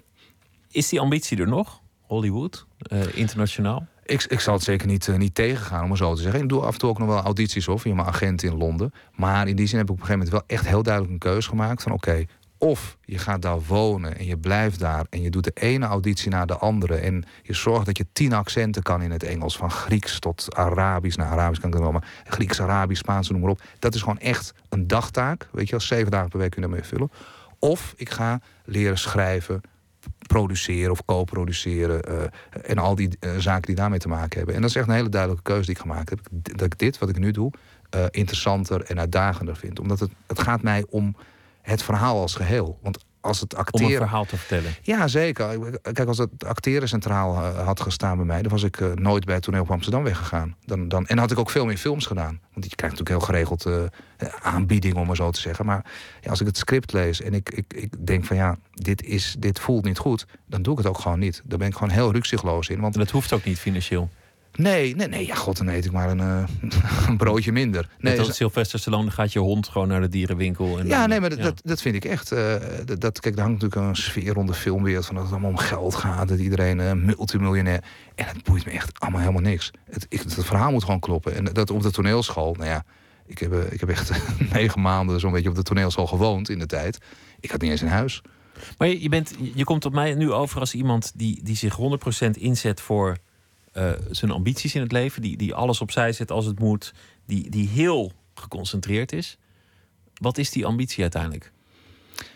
Die ambitie is e- eigenlijk, eh, zijn, er twee eh, centrale thema's, om het zo te zeggen. Dat is één, leren, dus talenten ontwikkelen. De, en mijn talent, maar ook andere mensen helpen hun, hun ta- talenten. te Coaching doe je ook veel? Ja, ja, Ja. zeker. Dus echt, één is leren, talent.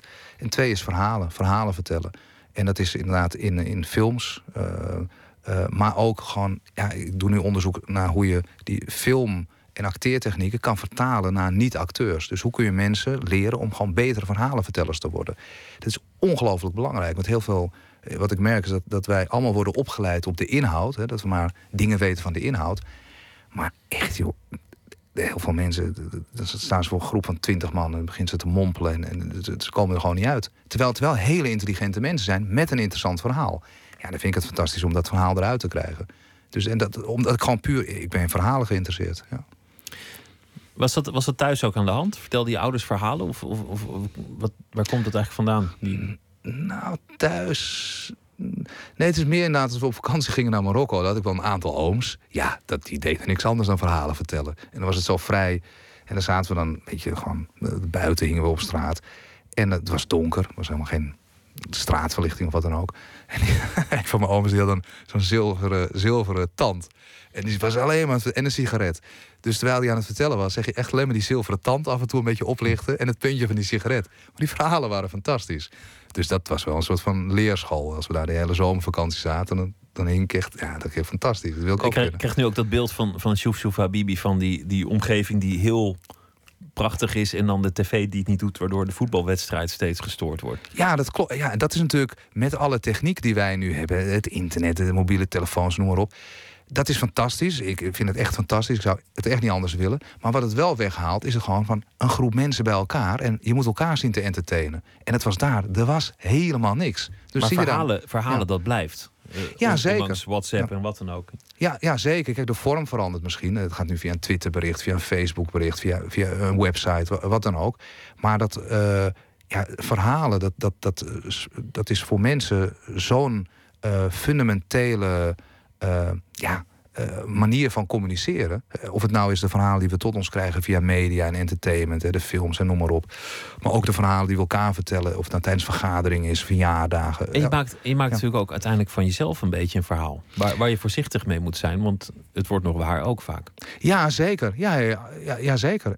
In die zin, eh, de self-fulfilling prophecy, daar geloof ik heilig in, om het zo te zeggen. Is dat, dat, dat ja, als je jezelf eh, wijs maakt dat je iets eh, niet kan, ja, dan krijg je over het algemeen gelijk. Maar het andere is ook vaak waar. Dat als je zelf echt wijs maakt dat je iets wel kan, is dan, eh, dan komt dat ook nog wel eens, eh, wel eens uit. Nou, dat komt in, in, in de Masters ook eigenlijk terug. De, degene die van zichzelf het verhaal heeft gemaakt. Ah, we waren niet goed genoeg, joh. En, en ik ben nu veel gelukkiger in mijn nieuwe bestaan. En de ander die, die ervan maakt.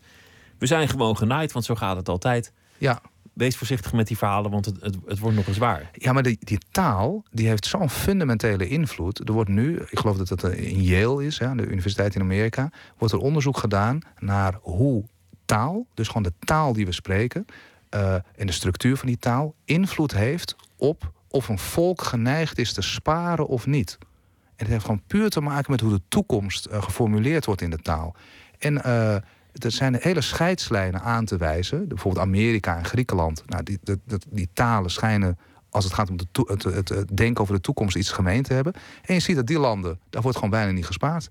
En Nederland zit wat dat betreft aan de goede kant van de grens. Maar, maar het, eh, dat, de, de, de, de invloed die taal heeft op ons denken en daarop ons handelen, daar weten we echt nog maar geen, nog niet eens 10% van. We sparen hier geloof ik zelfs iets te veel. Daar hoor ik economen wel eens over klagen. Dat, dat, dat een heel veel problemen opgelost zouden zijn als mensen gewoon wat geld van de bank zouden pinnen en dat, dat uit zouden Ik zou geven. zeggen, stuur die economen naar Griekenland.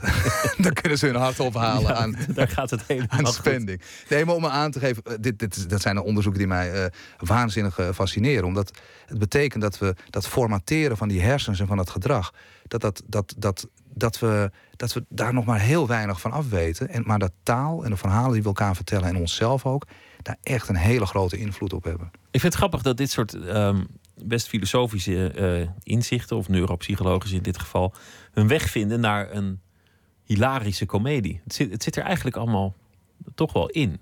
Ja, maar het interessante is, echt aan de tijd eh, waar- waarin we nu zitten, is dat, eh, dat die overlap, ik zou maar van het wetenschappelijke en de entertainment en het design, dat wordt alleen maar meer. Als je kijkt naar het standaard voorbeeld natuurlijk, eh, Steve Jobs en Apple. Dat was niet, hij is natuurlijk zo groot geworden en Apple, omdat zij uh, niet, uh, zij waren technisch heel goed, maar het was natuurlijk ook een soort kunstenaar met calligrafie en design. Het moest er allemaal fantastisch uitzien.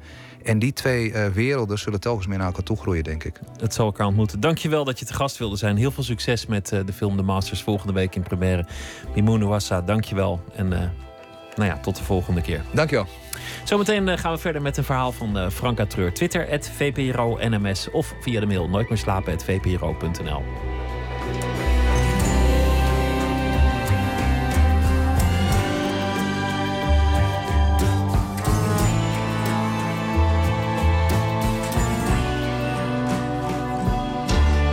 Radio 1, het nieuws van alle kanten.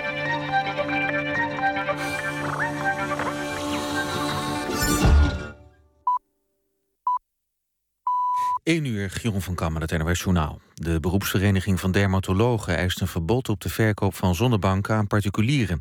Ook moeten zonnestudio's beter worden gecontroleerd. Volgens de dermatologen is dat nodig om het aantal gevallen van huidkanker terug te dringen. Vorig jaar kregen ruim 50.000 mensen in Nederland huidkanker. Drie keer zoveel als 20 jaar geleden. IS heeft een audioboodschap vrijgegeven van zijn leider al-Baghdadi. Hij zegt erin dat alle moslims moeten emigreren naar zijn kalifaat. Het is niet zeker dat de stem echt van al-Baghdadi is. Het zou zijn eerste levensteken zijn in maanden. Vorige maand meldde de Britse krant The Guardian dat de IS-leider in maart ernstig gewond was geraakt bij een westers bombardement. De president van Burundi zegt dat hij weer terug is in zijn land. Gisteren pleegde een generaal in Burundi een staatsgreep. De president zat toen in Tanzania. Het is de vraag of de staatsgreep is gelukt... want de generaal zou niet door het hele leger worden gesteund. Vanwege de crisis heeft Nederland de ontwikkelingshulp aan de politie... en het leger in Burundi opgeschort. Een live-uitzending van het tv-programma Germany's Next Topmodel is vanavond stilgelegd na een bommelding. De 10.000 mensen die in de studio in Mannheim zaten werden hals over kop geëvacueerd. Het programma, dat wordt uitgezonden door de Duitsers en de Pro7, was halverwege. Rond half tien moest iedereen de zaal verlaten, inclusief de modellen en de presentatoren. Over de bommelding wil de politie nog niet zeggen. Twee broertjes van 4 en 7 hebben vanmiddag in Oud-Gastel de bus genomen naar de IKEA in Breda. Ze hadden gehoord dat ze als kinderen gratis met de bus konden. Hun ouders wisten van niets. Een zoektocht in het dorp leverde niks op. Intussen zagen agenten in de IKEA, 20 kilometer verderop, twee jongetjes zonder hun ouders lopen. Het bleken de broertjes uit Oud-Gastel te zijn. De politie heeft hen thuisgebracht. Het weer, in het zuiden ligt de regen. Elders blijft het vannacht droog. Minimaal tussen de 2 en de 8 graden. Morgen trekt de regen in het zuidoosten weg en gaat overal flink de zon schijnen. Het wordt dan tussen de 13 en de 19 graden. Dit was het NOS Journaal. NPO Radio 1. VPRO. Nooit meer slapen.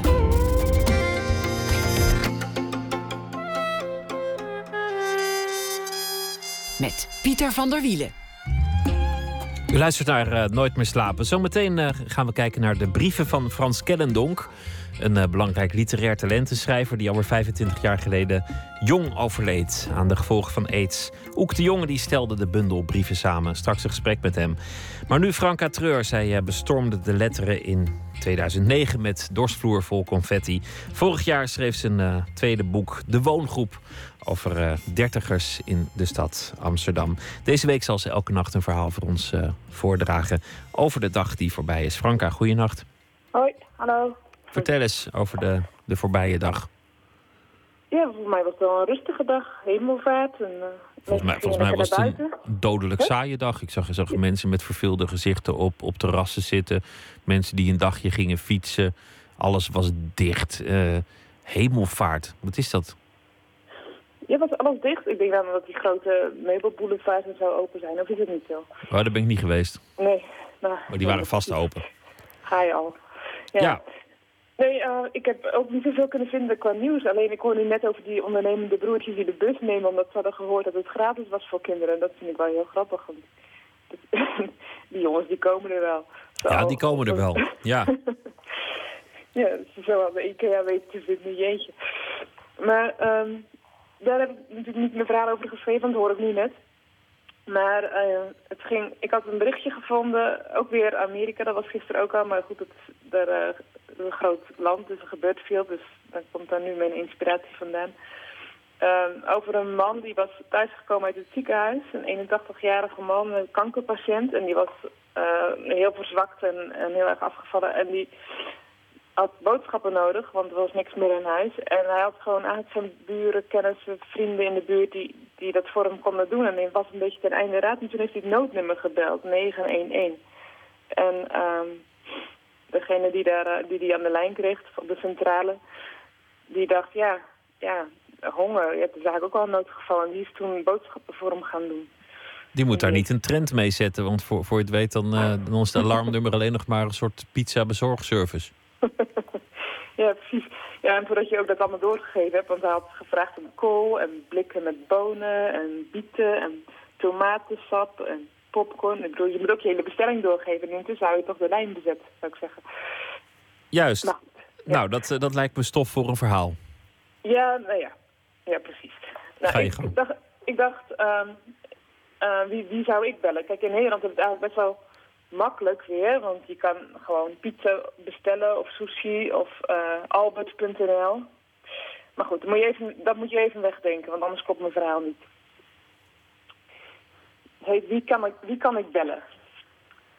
Petra, maar die woont helemaal in Noord. Joris, maar zijn nieuwe vriendin gaat dan moeilijk lopen doen. Eva en Connie, maar die zouden zelf zoiets nooit aan mij vragen.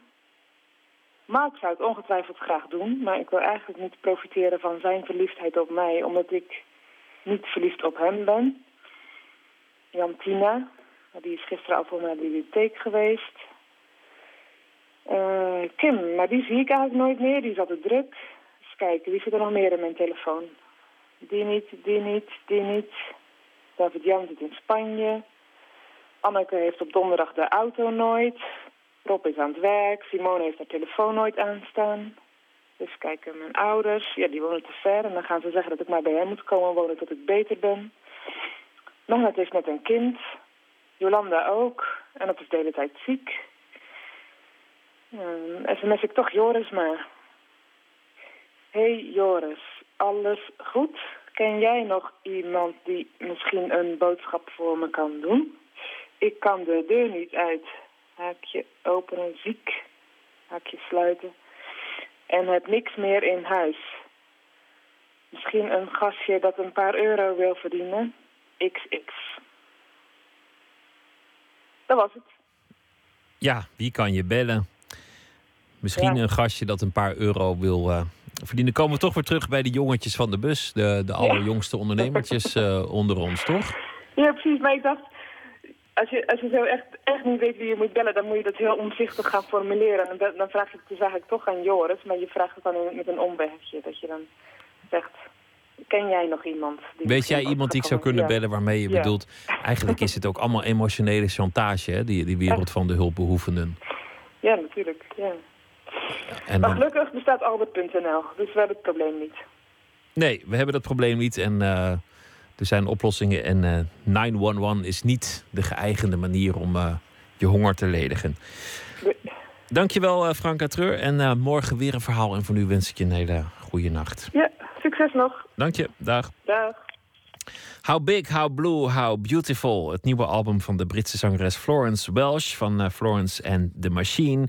We gaan luisteren naar een nummer met de titel St. Jude.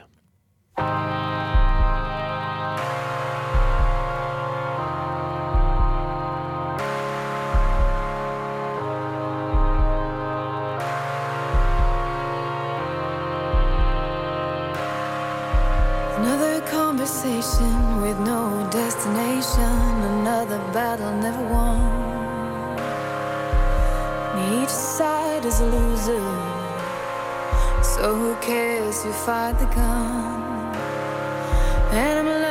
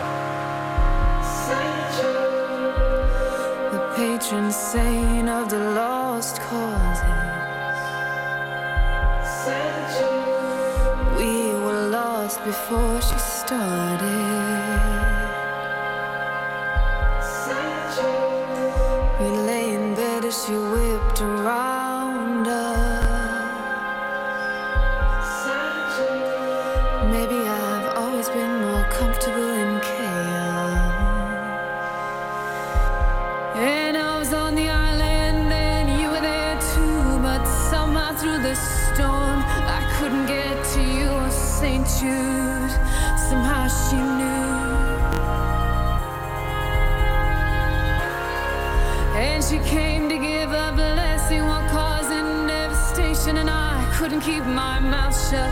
I just had to mention, grabbing your attention. Saint Jude, the patron saint of the lost cause. Saint Jude, we were lost before she started.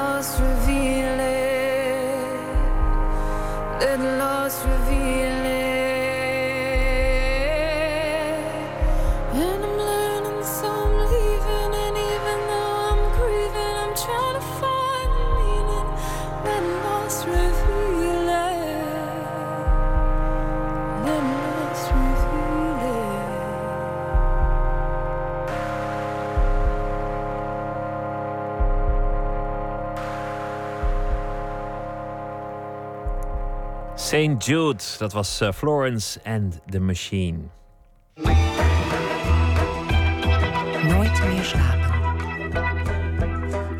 Frans Kellendonk, een eh, schrijver die 25 jaar geleden overleed aan aids. Veel boeken heeft hij niet kunnen maken, omdat hij daar gewoon te jong voor gestorven is. De boeken die hij schreef, die worden belangrijk gevonden door eh, literatuurkenners. Gisteren verscheen eh, een omvangrijke verzameling brieven van zijn hand. Samen met zijn collega Oek de Jong debuteerde hij in 1977. En samen zouden zij uitgroeien tot de grootste schrijvers van hun generatie misschien wel. En eh Oek de Jong die heeft ook die eh, brieven mogen bundelen. Anton de Goede in gesprek met eh, de Jong, een van de samenstellers van de brieven. En zijn eerste vraag was wat de twee, Kellendonk en de Jong, eigenlijk wilden toen zij in de jaren 70 debuteerden.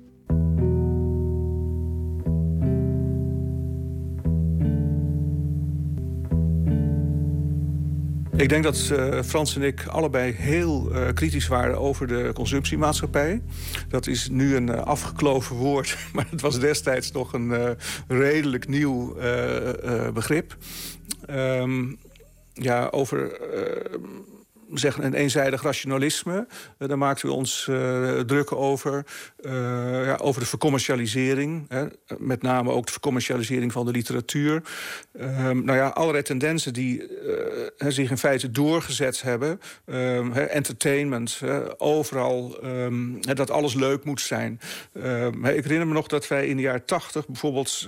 het woord leuk begon toen in de mode te komen. Dat vond ik eerst echt, echt verschrikkelijk. Een enorme verzwakking. Hè, je zag een prachtig schilderij van Rembrandt. En je zei, nou, leuk schilderij. Eh, je ging ergens lekker eten. Nou, was een leuk restaurant. Of je kwam iemand tegen, die was ook leuk. Nu eh, gebruik ik dat woord zelf eh, net als iedereen. Ik probeer me er eh, een beetje in te houden. Dus het niet eh, eh, te pas het onpas leuk te roepen. Maar toen was er toch nog een tijd waarin je aanvoelde van dit is gewoon een soort vervlakking. Om alles maar leuk te gaan vinden of alles leuk te maken. of eh, te doen alsof iets leuk is. Eh, ik herinner me ook, om het eh, bij woorden te houden... dat wij ook moeite hadden met het gebruik van het woord succes.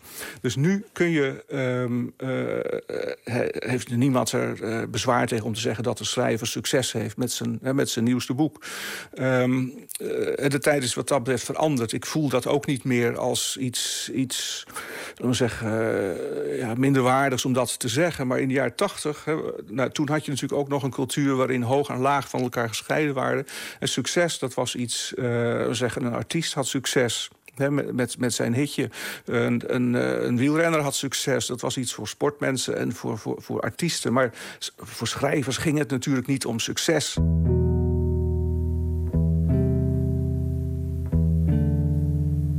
Die brieven liggen hier nu. Nou, iedereen moet ze lezen, want er zijn prachtige vondsten in. Eh, misschien heb je zo meteen een vondst voor ons. Het doet je ook de vraag stellen... hoe zou Frans Kellendonk in deze wereld hebben rondgekeken. Deze toch wat tobbende eh, man. Eh, als je jou naast Frans Kellendonk ziet met terugwerkende kracht dan ben jij altijd een wat positiever uh, figuur geweest dan hij. Ik heb een Althans... lichtere instelling. Hè. Voor, voor, mij is het altijd een combinatie van lichtheid en diepe melancholie. Uh, ik, heb, ik, ben, ik, ben een, ik heb een, een zeg, uh, mijn, mijn, wereldbeeld is er toch wel een van radicaal pessimisme. Maar ehm, dat is niet iets wat je meteen aan mij afleest. Ehm, dat pessimisme is, zat er bij Frans ook heel sterk in. Maar Frans was veel meer dan ik een moralist. En met moralist bedoel ik dan niet uh, iemand die met het opgeheven vingertje voortdurend uh, zegt... dit mag wel en dat mag niet. Maar ik heb het dan over het intellectuele, literaire uh, moralisme... zoals dat bijvoorbeeld in de Franse literatuur er eigenlijk al is vanaf hè, Montaigne. Montaigne, Pascal, Rochefoucauld, Chamfort, dat waren moralisten. Er zijn grote schrijvers in Frankrijk... die zich ook vaak in uh, aforismen uh, uitdrukken. Frans was een moralist. Dat zie je in Mystiek Lichaam het allerduidelijkste. Uh, ik denk dat zijn opstelling in deze tijd ook uh, zeer polemisch geweest zou zijn. Hij zou echt doorgegaan zijn op die lijn... die hij in de jaren tachtig al ingezet heeft. Toen was hij al kritisch over de multiculturele samenleving. racisme begon hij al al, te, al te zien. Heel opvallende zin, want de vraag je naar in die, in die brieven... is dat hij ergens in de jaren tachtig al zegt... Um, het elektronica-tijdperk, wat er toen nog niet was... het elektronica-tijdperk wordt het tijdperk van de total recall. Let op mijn woorden. Dat is het dus geworden, daar zitten we nu middenin. Ja, want wat bedoelde hij daarmee? Dat er, nou, hij schrijft dat naar aanleiding van iemand die hem gebeld heeft... en die zegt van ja, wij zijn een filmploeg... en wij uh, hebben het plan opgevat om schrijvers 30 jaar lang te volgen. uh, steeds peilingen te doen in dat, in dat leven. en nou, daar gruwde hij van. en dan zegt hij van ja, daar gaan we dus naartoe... Hè, naar een tijdperk van total recall. Dus dat alles wordt vastgelegd. dat niets meer vergeten kan worden of verdwijnt. Nou ja, dat, dat, dat, dat gebeurt met big data. Dus ik denk dat hij, um, als hij nu uh, nog geweest had en had kunnen schrijven, dat hij zich, uh, bijvoorbeeld zijn onderwerp privacy, wat in Amerika een, uh, onder schrijvers ook een groot onderwerp is. Jonathan Franzen heeft er mooi over geschreven. Zo'n onderwerp als privacy en, en de, de, de invloed van, van Big Brother, de staat, op het leven van mensen, de grip die ze daar steeds meer op krijgen, dat zou echt een onderwerp voor Kellendonk zijn geweest om daar zeer ironisch, sarcastisch en honend prachtige stukken over te schrijven.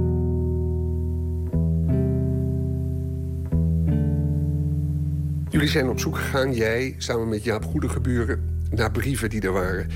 Uh, want jullie hadden zelf een aantal brieven van hem. Er staan ook prachtige brieven van hem aan jou in. Waarvan je een beetje uh, het jammer vindt dat jouw antwoorden er niet, niet in staan. Ja. Maar goed, dat is nu eenmaal de keuze met zo'n boek. Dat ja. kan je, daar kan je er niet ja. aan beginnen, anders dijt dat alle kanten uit. nee, dan was het een boek van 2000 pagina's geworden. En dan heb je bovendien het probleem dat de, de brieven van de anderen heel erg van niveau verschillen. Dus dat, dat was geen optie. Wat is voor jou een grote verrassing van brieven waar jullie opgestuurd zijn? Die er misschien uh, waren en die misschien ook iets nieuws vertellen over over Kellendonk en over zijn leven. Iets wat je nog niet wist. Nou, de grote verrassing is om te beginnen dat hij vanaf zijn zestiende tot zijn dood, op zijn 39ste, gewoon prachtige brieven schrijft. Um, in een zeer uh, regelmatig handschrift. Bijna geen doorhalingen. Uh, dus het is allemaal uh, zeg, op het eerste gezicht goed, goed geformuleerd. Het is gewoon prachtig om te lezen. Ja, je leest eigenlijk een leven in brieven. Zo hebben we het ook gemaakt. Dus de brieven zijn geannoteerd. Boven elke brief staat heel kort even wat informatie die je moet hebben om die brief goed te kunnen begrijpen. Dus je leest in de eerste plaats een roman in brieven. Uh, de, laten we zeggen, de gereserveerde intellectuele Kellendonk, zoals we hem kennen uit, uit de literatuurgeschiedenis, die wordt volledig opengebroken. Je gaat echt een, een persoon met zeer veel facetten zien. De zoon, de broer, de minnaar, de schrijver, de vertaler, de polemicus. Dus een enorm palet wordt, wordt zichtbaar. Um, ja, de grote verrassing voor mij was um, uh, de promiscuïteit van Frans. Omdat ik in een hetero-wereld leefde en hij in een homoseksuele wereld... Um, wist ik van zijn uh, seksleven heel weinig. Daar hoorde ik wel eens iets uh, van hem over. Maar ja, uit die brieven blijkt dat hij eigenlijk vanaf zijn achttiende... hij is heel vroeg uit de kast gekomen in Nijmegen... als student Engelse taal en letterkunde. hij bezocht daar de homokroegen. In die tijd waren die nog min of meer verborgen. Dus je moest echt aanbellen um, bij de Melody Bar... Om daar dan je gevoelsgenoten, zoals dat heet, aan te treffen. Um, Frans uh, ja, heeft een aantal belangrijke relaties gehad. Zijn grote liefde is eigenlijk Jan Duiks. Student die hij in Nijmegen tegenkwam. Student medicijnen, later kinderpsychiater. Daar is hij tien jaar mee geweest. Um, maar zij hadden eigenlijk al een afspraak over een open huwelijk. Um, Frans is in 73, 74 al een jaar naar Engeland gegaan... om daar te studeren aan het Shakespeare Instituut. En uh, ja, hij versiert aan de lopende band eigenlijk uh, jongens. En ja, omdat hij zo mooi was, hoeft hij daar eigenlijk ook niet heel veel voor te doen. Hij liep ze gewoon tegen het lijf. Of ze kwamen op hem uh, af. En dat was voor mij wel een heel nieuw aspect. Dat had ik gewoon niet um, achter hem gezocht. Hij was echt gereserveerd, uh, ingehouden, uh, geremd zelfs in het, in, het, in het sociale verkeer. Als iemand die, die je bijvoorbeeld niet zomaar even aan kon raken. ik herinner me dat ik de, tijdens een bijeenkomst op de uitgeverij... waar al behoorlijk wat gedronken was. Ik zat naast Frans. En ja, om de een of andere reden legde ik even mijn arm om zijn schouders. Nou, er ging gewoon een elektrische schok door hem heen. Dat, uh, dat, dat, dat verdroeg hij helemaal niet. Um, dus en dat, dan toch wel in combinatie met promiscuïteit? Dat is heel raar eigenlijk. Ja, dat, dat was... Uh, dus in de, in de zomer van 2014 zat ik uh, in mijn Franse huisjes... had ik de ene na de andere brief van Frans uit te tikken. Ja, daar ben ik wel weken mee bezig geweest. Van, godverdorie, dit is wel een... Um, aanvankelijk hadden wij ook nog nog niet uh, de brieven aan Jan Duiks. Dus ik wist ook niet wat hij met, met zijn partner afgesproken had. Dus ik had ook nog het gevoel van... nou, deze moralist, deze morele mens... hij besodemietert zijn vriend aan de lopende band. Goed, dat bleek dus niet te kloppen. Ze hadden daar echt een afspraak over. En Jan had ook tegen hem gezegd toen hij naar Engeland ging... van geniet vooral ook van de jongens. Nou, dat heeft Frans dus gedaan in Engeland, ook in Amerika ja, dan, dat was een van de uh, ja, aanleidingen om dat beeld wat ik van Frans had... om dat duchtig uh, bij te stellen. Oek de Jong, mede-samensteller van het boek De Brieven van Frans Kellendonk. Gisteren uh, verscheen dat boek. Een bijdrage van Anton de Goede. Uit Zweden komt de zanger die zichzelf de naam heeft gegeven... The Tallest Man on Earth. Een nieuw album is onlangs verschenen, Dark Bird is Home... waarvan wij draaien Little Nowhere Towns.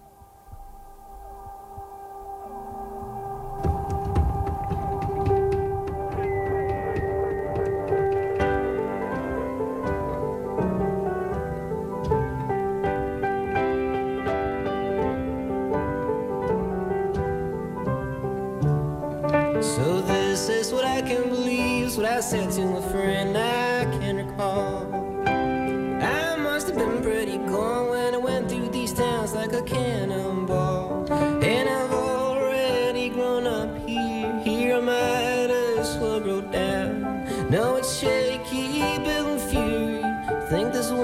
Settle down, Carolina. Why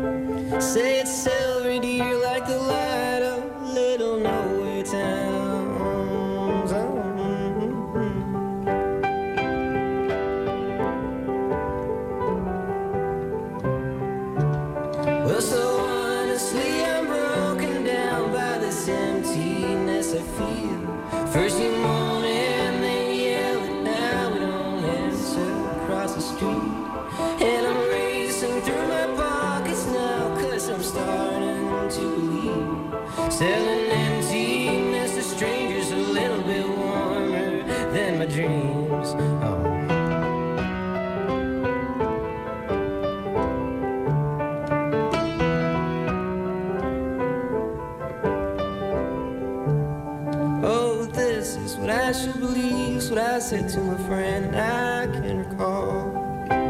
I must have been pretty cold when I went through this house like a cannonball. And I barely can remember asking you through all this time. It's so shaky, building fury, like this wind's gonna settle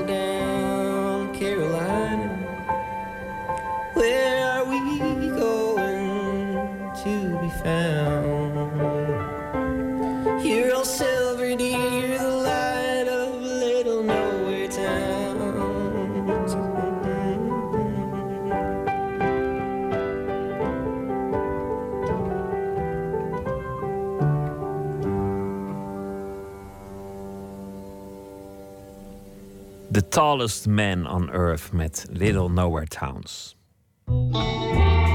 Nooit meer slapen. Michel Houellebecq en Nick Cave zijn eh, onder andere te gast op een eh, literair festival in Utrecht op een mooie locatie, het eh, grote postkantoor aan de Neude. Een statig in geel baksteen opgetrokken pareltje uit de Amsterdamse school. Al een tijdje dicht, maar dit weekende zal er dus eh, van alles plaatsvinden. Maarten Westerveen, hartelijk welkom. Ja, hoi. Vertel eens, het, eh, het festival dat heet eh, Cities to City in Utrecht. Wat Ja. gaat er allemaal gebeuren? Nou ja, ehm, elk jaar staan er twee steden centraal, dat eerste. En ehm, ja, wat je erbij voor moet stellen, is gewoon heel veel schrijvers die komen vertellen over hun werk. Wat een literair festival is. Maar dit jaar, ja, het is een beetje raar, omdat vooral met middel, eh, als je het over middelbare mannen hebt. Maar het is een bijzonder sexy line-up dit jaar. Ehm, eh, Nick Cave, Michel Welbeck, Michel Faber, eh, Eleanor Catton. Die heeft nog twee jaar geleden de Booker Prize gewonnen. Een bijzondere jonge dame met een heel bijzonder boek. Misschien komen we daar nog wel op. Maar het is echt een. de, de, de grootheden komen dit weekend naar Utrecht. Nou, Houellebecq binnenhalen is al een hele prestatie. Nick Cave, vooral bekend als popmuzikant. Beetje als acteur, maar ook als schrijver, die komt dus ook. Ja, nou ja, wat is hij trouwens niet? Hè? Hij is eh, schrijver, zanger, dichter. Hij is een bijbelliefhebber. Hij acteert. Hij is ook filmcomponist. Maakt mooie filmcomposities. Eh, hij houdt zich nogal bezig. Ja. En hij is tegenwoordig dus ook... eh, nou ja, laat hij zich als schrijver dus uitnodigen op festivals als City to Cities. Niet onverdiend trouwens hoor, want hij is vrij vroeg begonnen. Want inderdaad, iedereen die hem kent, die kent hem vanwege zijn muziek. Maar hij is eigenlijk al vanaf 89 heeft hij geschreven. The Ass Saw the Angel. Wat moet ik bijzeggen? Dat betekent de ezel zag de engel. Niet eh, een andere mogelijke vertaling die je erbij zou kunnen verzinnen. Ehm, hij heeft ooit het voorwoord voor het eh, evangelie van Marcus geschreven. En in 2008 was zijn tweede roman, Death of Bunny Monroe... over een seksverslaafde verkoper... die in het reinen moest komen met de zelfmoord van zijn vrouw. Dus hij schrijft, hij is bezig. En nu is hij bezig met eh, kotszakjes, zoals je die in het vliegtuig krijgt. Als je vanwege een luchtzak of iets over je nek moet, dan, krijg je, dan ligt daar zo'n zakje voor het geval dat. En, en die hebben hem geïnspireerd. Ja, ehm, het is inderdaad letterlijk dat. eh, De Sick Back Song, eh, de kotzak, eh, het kotzaklied. Notities en overpijzingen die hij nou ja, noteerde op van die, die zakjes... terwijl hij aan het vliegen was op zijn Amerikaanse tour. En ja, wat moet je daar dan bij voorstellen? Nou ja, het klinkt dan ongeveer zo. I awoke to find Brian Ferry in his bathers standing in the swimming pool. He was white and handsome and very still. I haven't written a song in years, he said. Well, why? What's wrong with you? I said. He gestured with an uncertain hand all about him. There's nothing to write about, he said. Then he pushed off into the water. Nick Cave in een andere hoedanigheid. Nick Cave is moeilijk te interviewen. Er zijn legendarische interviews waarin hij de, de vragensteller eh, in de mal, eh, voor de mal houdt. Wie gaat dat doen? Abdelkader Benali. Dat lijkt me ook een mooie eh, botsing van stijlen, eerlijk gezegd. Eh, want nee, Nick Cave, nou ja, dat wat donkere... dat mag dan mooi botsen met, dat, met het, het, het opgewektere van Abdelkader Benali. Eh, ik heb hem gebeld en gevraagd wat hij ervan maakte. Nou, ehm, voor mij was Nick Cave echt een jeugdheld. Ik ben met die platen opgegroeid. Ik vind ze fantastisch. Nou, uh, Benali heeft die platen niet in zijn jeugd gekend. Dus voor hem was het eh, toch een, uh, een heel andere ontmoeting. Die heeft zich nu ook voorbereid. En ja, wat, ik heb vroeg hem ook, wat maak je dan van zo'n man? Het is een self-made Bart. hij is nog een van die laatste... hij gaat eigenlijk terug naar het idee van de dichter als kunstwerk. De dichter als profeet. de dichter als ziener. Hij, uh, hij put daarbij uit uh, het kanon van de Amerikaanse dichters, uh, die diezelfde soort van helderziende wilden zijn van een beschaving, hè, Walt Whitman. En hij put daaruit uit die animistische, primitieve poëzie van de Noord-Amerikaanse Indianen en de Aboriginals. Die komen altijd bij hem terug. En ik, ik, ik, vind dat, ik vind dat authentiek. Uh, oh, en, en, en, en net op het moment dat je denkt dat, dat het weg zou kunnen glijden in kitsch of uh, Kent, hè, want dat ligt natuurlijk op de loer, dan uh, pakt hij zichzelf met die 21ste eeuwse stem van dat zelfbewustzijn. Van wat doe ik nu eigenlijk? Wie ben ik? Wie is deze persoon die hier probeert een dichter te zijn? Al dus Abdelkader Benali. Nou, nou heb ik ook wel eens dat soort dingen gedaan. En volgens mij, als je iemand gaat interviewen voor een zaal met hele toegewijde fans, dan moet je het alleen maar doen als je zelf ook een fan bent. Want anders heb je gewoon een, uh, een, een avond waarin je alleen maar in de weg zit. Ja, mensen die, die komen daar waarschijnlijk toch om het orakel te zien. En de man die zich immer uh, zijn haren verft, want dat doet hij. Dat was een enorme teleurstelling voor mij. Nick Cave heeft dan die prachtige diep zwarte haren. Ik dacht dat die natuurlijk waren. Niks daarvan. Ze zijn allemaal gewoon netjes geverfd. Hij werd op een gegeven moment behoorlijk kaal. Dat is hij niet meer. Dus nou ja, de man investeert in, in die mythe. Uh, en ja, je zou ook heel erg geneigd zijn om te denken dat hij... Nou ja, ik, kan die man om zichzelf lachen? Ik, ik weet het niet. Iemand die haarplugs inbrengt, kan die om zich lachen? Tussen de regels door uh, wordt, de, wordt ze de hele tijd gelachen. Het is eerder een Homerisch lachen. Uh, soms zelfs een uh, verbitterd lachen dan een lachen met elkaar. Ehm, dus die tussen de regels zitten daar referenties naar, naar eigenlijk het het falen van wat hij doet. Het gekunstelde van wat hij doet. Het aanstellige van wat hij doet. Hij weet dat hij bekeken wordt.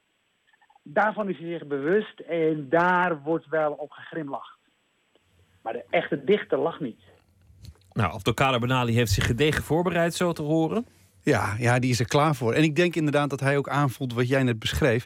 Ja, voor zo'n zaal dan... Ehm, dan moet je het wel, je, moet wel voor je zien te winnen. En dat, ja, ik, of dat gaat lukken, ik ben heel benieuwd. Nou, hij is dus niet de enige. Uh, er komen nog heel wat andere. Eleanor Catton is nog geen 30, heeft al de Booker Prize gewonnen met een prachtig boek, de uh, Luminaries.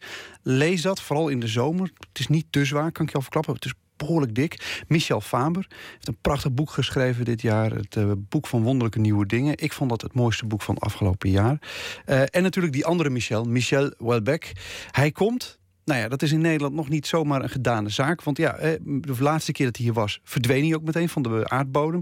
Hij is er nu en ja, um, hij en dat, dat neemt die hele uh, affaire met zich mee natuurlijk. Ja, want het boek is uh, eindelijk in Nederlandse vertaling uh, verschenen deze week. Uh, Soumission kwam uit toevallig in dezelfde week van de aanslagen op Charlie Hebdo. Ik heb het al gelezen, ik vond het een geweldig boek. Veel recensenten konden er wat minder om lachen, maar het was een, een raak boek. Uh, eigenlijk een van zijn beste, als je, het, uh, als je het mij vraagt. Maar hij heeft zich natuurlijk uh, allerlei gedoe op de hals gehaald. Hoe ja. zit het met beveiliging? Nou, dat zit behoorlijk krap. Dan komt wat bij kijken. Laten we het, zomaar, laten we het daar maar op houden. En ja, dan begint er een, een circus los te barsten. als je het over beveiliging hebt, waar wij eigenlijk ook helemaal niet er geen ervaring mee hebben. Ik bedoel, je moet aan allerlei eisen voldoen die we heel goed uh, uh, hebben nageleefd. We hebben daarbij de, de, uh, gewoon de, de, driehoek, zoals dat heet, de politie in, in Nederland. Daar hebben we de vraag neergelegd van, willen jullie de beveiliging goed regelen? garanderen dat dat volgens de, de normen en de standaarden die ze daar in Frankrijk daaraan stellen ge gebeurt. En dat is uiteindelijk geregeld. Ja, dat is uh, Michael Stoker, de organisator. Die heeft persoonlijk zowel Welbeck als Cave weten te overtuigen... om toch maar gewoon langs te komen... terwijl het budget het eigenlijk niet toestaat. Uh, ja, het, het is, uh, dat zijn natuurlijk de grote namen. Uh, ik vroeg Stoker ook of er dan nog een, een geheimtip is... die mensen niet merken tussen al dat grote namengeweld. En toen kwam hij met de volgende. Thomas Klerk kent in Nederland helemaal niemand... Uh, primair omdat zijn werk niet in het Nederlands is vertaald. Maar een ongelooflijk boeiende schrijver die uh, eigenlijk Parijs neerzet als een soort museum. Maar het beschrijft als het museum van de 21ste eeuw. Het is natuurlijk de klassieke romantische stad van de literatuur. Maar hij, hij beschrijft het hedendaagse Parijs. Het Parijs van, van zeg maar, na de aanslagen op Charlie Hebdo. Het Parijs van nieuwe helden. Het Parijs van, van, uh, van rassenrellen. Van nou ja, alle ja, dingen die een hedendaagse stad treffen. Uh, gelukkigerwijs of ongelukkigerwijs. De tip van uh, Michael Stoker is uh, dat dus. Morgen in Utrecht, het City to City Festival. Maarten Westerveen, dankjewel. Graag gedaan. En we gaan ook luisteren naar de man die daar dus optreedt. Nick Cave uit 1990, de Ship Song.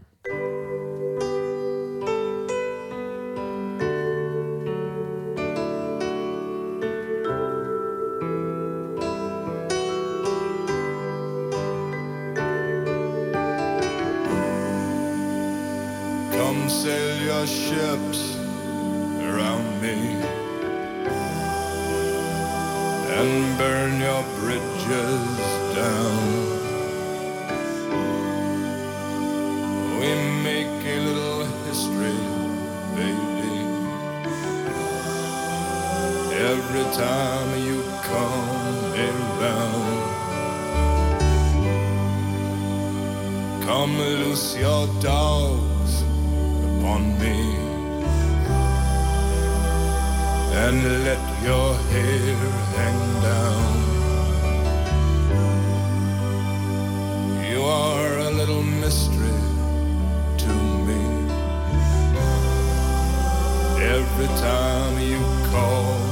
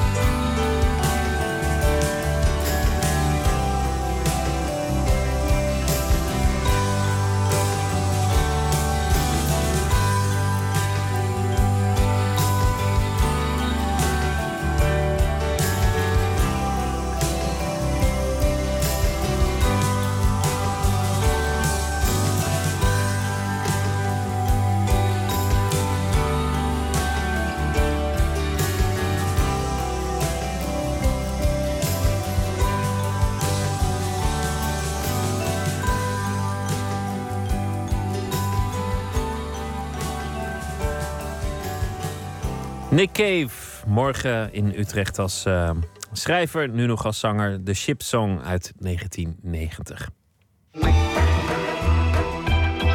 Nooit meer slapen. Fotografenduo Wassink Lundgren en de Britse fotograaf Martin Parr hebben jarenlang fotoboeken gezocht over China. En dat heeft geresulteerd in The Chinese Fotoboek. Een boek met daarin een overzicht van de belangrijkste en mooiste fotoboeken die sinds 1900 gepubliceerd zijn. Volgende week, 19 mei, geeft het duo een lezing over het boek in eh, Amsterdam in Pakhuis De Zwijger. Anne Martens spreekt alleen uh, Thijs Groot Wassink over dit project, want Ruben Lundgren die zit nog in Peking. Toen Rubens zus, die mode studeerde, een modeserie wilde. En toen dacht ze, dan ga je natuurlijk meteen naar je broertje toe, want die, uh, die, die studeert fotografie. En toen werd Ruben misschien een beetje zenuwachtig en hij dacht, oh, ik heb hulp nodig. Dus die vroeg of ik mee ging helpen. Thijs Groot-Wassink is fotograaf en samen met Ruben Lundgren werkt hij onder de naam Wassink Lundgren. Thijs vanuit Londen en Ruben vanuit Peking. Ze ontmoeten elkaar ooit op de kunstacademie in Utrecht. En toen wisten we uiteindelijk niet meer precies wie welke foto gemaakt had. Dus dachten, nou, dit is misschien wel wat om samen te werken. Het is heel erg leuk dat je van elkaar ideeën kan stelen zonder dat je van plagiaat beschuldigd wordt. Dat je gewoon, je, je, kunt, je kunt wat ideeën bedenken en dan neemt die ander ze mee en die vervormt ze weer en die geeft ze weer terug. En zo ontstaan er hele leuke dingen. Ik spreek Thijs in fotoboekenwinkel PhotoQ in Amsterdam. Daar is de Chinese fotoboek te koop. Het nieuwste werk van Wassink Lundgren en de Britse fotograaf Martin Parr. De Chinese fotoboek is een, een, een publicatie die eigenlijk 100 jaar geschiedenis, uh, Chinese geschiedenis aan de hand van boeken laat zien, fotoboeken. En dat zijn fotoboeken gemaakt door Chinese fotografen, maar ook door buitenlandse fotografen over China. Dus dat zijn eigenlijk de twee verschillende ingrediënten voor dat boek. En ja, dan laat het eigenlijk een, een uh, 100, 100 jaar uh, geschiedenis zien. In vier kilo? In, in vier kilo, ja. En het, uh, ik, ik, weet niet hoeveel pagina's. Het is, het, is een behoorlijk, het is een behoorlijk ding geworden. Hoe ben je afgelopen maanden of jaren bezig geweest met het verzamelen van die fotoboeken? Jaren, ja, jaren is het zeker. Acht jaar ongeveer dat we ermee bezig zijn geweest. Maar het is altijd een beetje tussen andere projecten doorgegaan. Dus het is niet dat we hier acht jaar volledig mee bezig zijn geweest. Het begon eigenlijk met dat Ruben en ik waren in 2007, 2006 zijn wij naar China gegaan. Daar hebben we gefotografeerd, hebben we een boek gemaakt. Empty Bottles heette dat. En dat boek won toen een prijs in Arles. De, de, uh, de Prix de Livre voor Best Contemporary Fotoboek in 2007.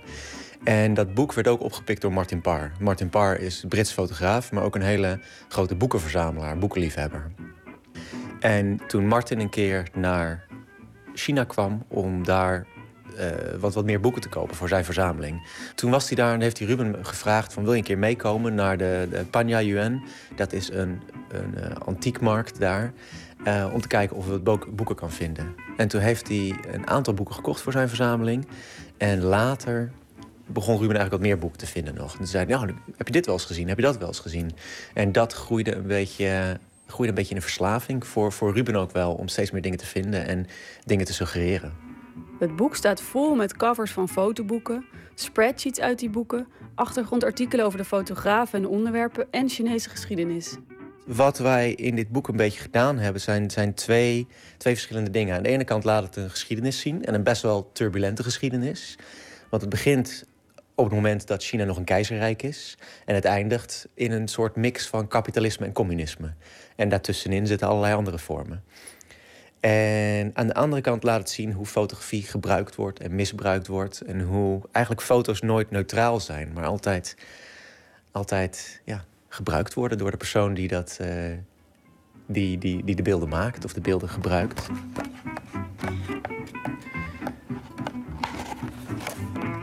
Nou, dit, dit is een heel mooi voorbeeld. Uh, Chairman Mao is the red sun in our hearts. Dit is een, is een goed voorbeeld van de leugen die aan de ene kant wordt neergezet... en, en een stukje van de realiteit die er doorheen schemert. En dit boek komt uit wanneer? Dit zal in de, tijdens de culturele revolutie, dus ergens uh, ja, 67. De culturele revolutie was van 66 tot uh, uh, 76. En dit was een beetje aan het begin daarvan. Hm. Want als je naar deze beelden kijkt, dan zie je telkens hetzelfde boekje. Maar telkens zie je op een andere manier wordt er iemand gecensureerd. Je ziet hier, zo zie je een persoon naast Mao staan en die heeft een wit plakkertje over zijn hoofd. Daar zo zie je een gele inkt eroverheen, een klein krasje. Hij wordt eruit gescheurd. En die persoon die naast Mao staat was Lin Biao. En hij heeft Mao, de, de culturele revolutie van Mao, heeft hij bekritiseerd. Dat had hij natuurlijk nooit moeten doen, want kort daarna stort zijn vliegtuig neer. En hij met zijn familie eh, is dood. En de reactie die daarop staat is door de officiële partij wordt hij gewoon doodgezwegen, alsof hij nooit bestaan heeft. Maar iedereen die zo'n boek thuis heeft, die wordt heel erg zenuwachtig. Want als jij op dat moment gevonden wordt met een boek waar ook Lin Biao in staat, dan zouden ze wel eens kunnen denken dat jij dezelfde sympathieën als Lin Biao hebt. En dat je dus een gevaar bent. En dat, kan, dat is een gevaar voor je leven. Die krasjes en dat, dat censureren door de eigenaren laat wat van de paranoia zien die tussen de mensen leeft. Het zijn veel pagina's, dus het is een hoop zoeken. En ik zag ook zelf nog een dat je die ik wel mooi vond. Ja. Dat was pagina 172. Over de watercontrole. Water Conservancy in New China. Ja, wat, wat sprak jou erin aan? Nou ja, dat ze dan dit boek uitgeven om een soort van macht te tonen dat ze ook Ja. controle hebben, zelfs over het water. Ja, ja, ja. Ja, dat is ook een, een, een, een mooie lezing daarvan op een bepaalde manier. En wat, wat er heel veel gebeurt, er zijn heel veel boeken over... eh, die eigenlijk de vooruitgang laten zien. Je hebt boeken over bruggen, boeken over ehm, eh, wegen. Dus het is allemaal een soort... Ja, het is, het is allemaal een manier om te laten zien hoe, hoe sterk je wel bent. En, en boeken waren een hele goede vorm om dat te laten zien. En hoe gaan ze om met ehm, ja, van die belangrijke gebeurtenissen als ehm, die studentenopstand in 89? Die hebben nooit plaatsgevonden. Dat is makkelijk. Ja, dat, dat is heel simpel. En dat, dat is wat, ehm, als wij een stukje verder gaan in dit boek. Want in dit boek hebben ze wel plaatsgevonden. Maar dan hebben wij twee spreads in dit boek, dus vier pagina's. Waar we een aantal beelden, een aantal boeken laten zien rondom de, het plein van de Hemelse Vrelen en de, de studentenprotesten. En dan zie je hier bijvoorbeeld dat hele beroemde beeld van die man die de soldaten, de, de tank stopt. Van de man met het plastic tasje die voor vier tanks eh, Ja. stilstaat. Ja, en dit beeld is gewoon, dit is wereldberoemd. Maar de Chinese staat heeft ook een boek uitgegeven. En dat heeft de veelzeggende titel The Truth About the Beijing Turmoil. Dus alles wat je gehoord hebt, dat klopt niet. Maar nu krijg je eventjes het echte verhaal te horen. En dat boek lijkt in grote mate qua beeld op al die andere boeken die je ziet. Of al die andere beelden. Je ziet, je ziet soldaten en studenten met elkaar op de vuist gaan. En het grote verschil dat dit boek maakt, is dat alle teksten, alle onderschriften, daar worden de studenten als de schuldigen aangewezen. Het is allemaal een beetje in de trant van deze, deze, eh, deze vaderlandslievende soldaten waren pro probeerden de rust te behouden toen de studenten met stenen aankwamen. En allemaal zulke soort dingen. Dus dat, dat, is, een, dat is een soort, soort. Dit was een, een, een poging van de Chinese, Chinese staat om hun, hun versie van het verhaal te geven. En dat is ook in hetzelfde jaar uitgekomen, in 1989. In heel veel verschillende edities gedrukt. Dus het is heel wijd verspreid. Maar nu is het boek verboden in China. Het is niet meer verkrijgbaar. Eh, als je het hebt, dan, dan, dan, eh, dan zit je, kom je waarschijnlijk in de problemen. Het, het is gewoon gecensureerd. Dus daar heb je weer, net zoals dat eerdere voorbeeld waar we over hadden met Lim Biao. Het censuur wordt gecensureerd.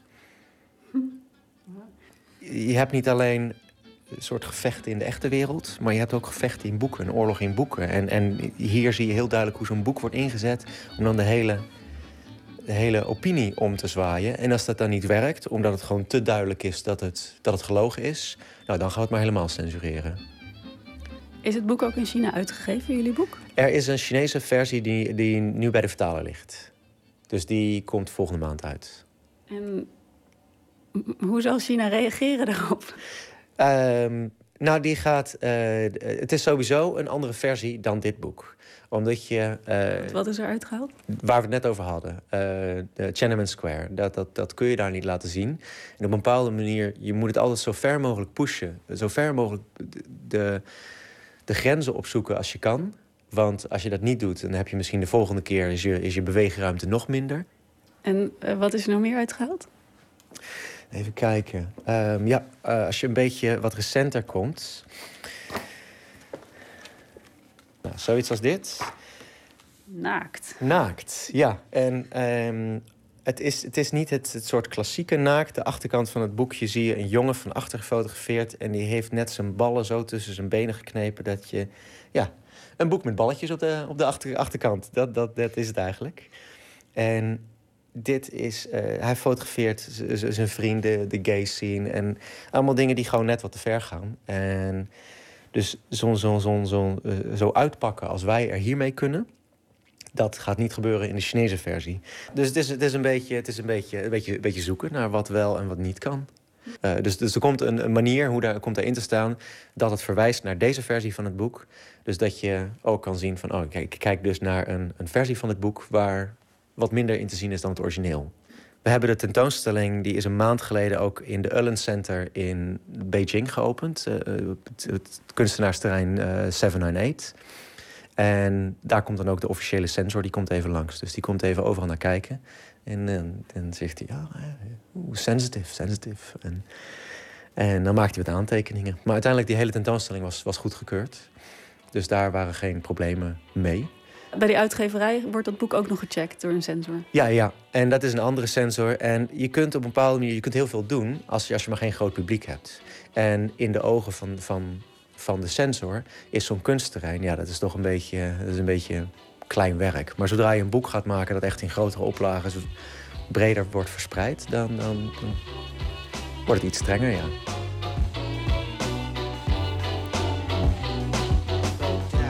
Fotograaf Thijs Groot-Wassink over de Chinese fotoboek dat hij samen maakte met Ruben Lundgren. Dat was een eh, bijdrage van Anna Martens. Soulmuziek.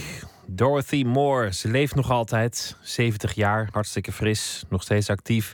We gaan luisteren naar een eh, nummer van iets langer geleden, 1990. He Thinks I Still Care.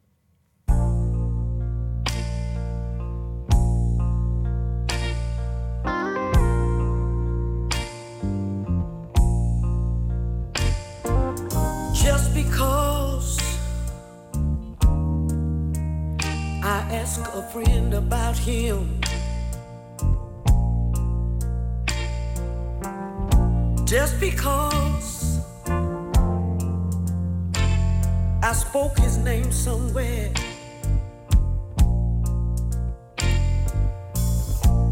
Just because I dial his number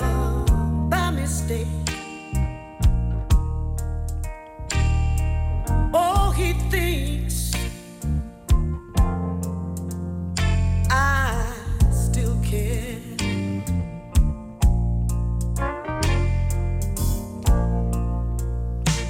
And just because I go to the same old places,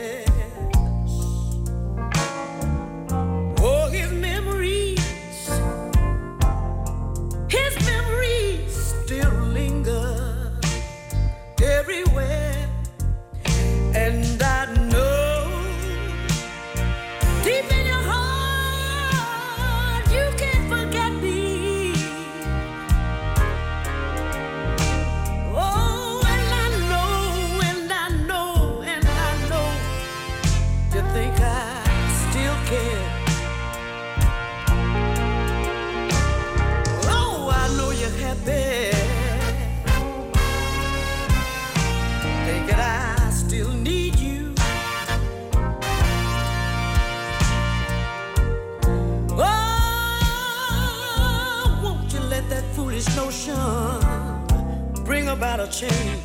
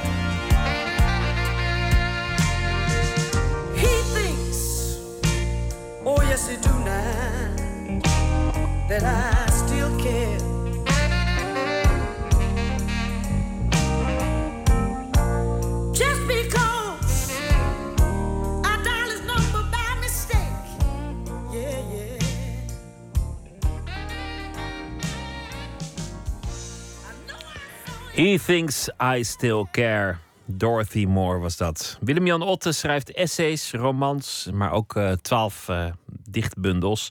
Deze week zal hij elke nacht een eh, favoriet gedicht voordragen. Dit keer van Chris J. van Geel op de Hoge Ginkel.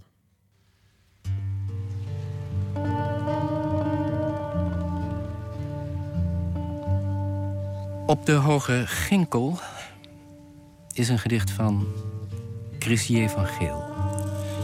Een gedicht dat uit één zin bestaat en zich afvraagt wat verdriet is. En daar een raadselachtig antwoord op geeft. Dat erop neerkomt dat alles aandacht is. Maar een gedicht in eigen woorden weergegeven is het gedicht niet meer. Het gaat zo. Oh ja, en de, in de titel komt dus het woord ginkel voor. En ik weet niet echt wat dat betekent, maar ik vermoed dat het een open plek in een bos is. Van Geel woonde zelf in de duinen bij Egmond op een ginkel in een duinbos.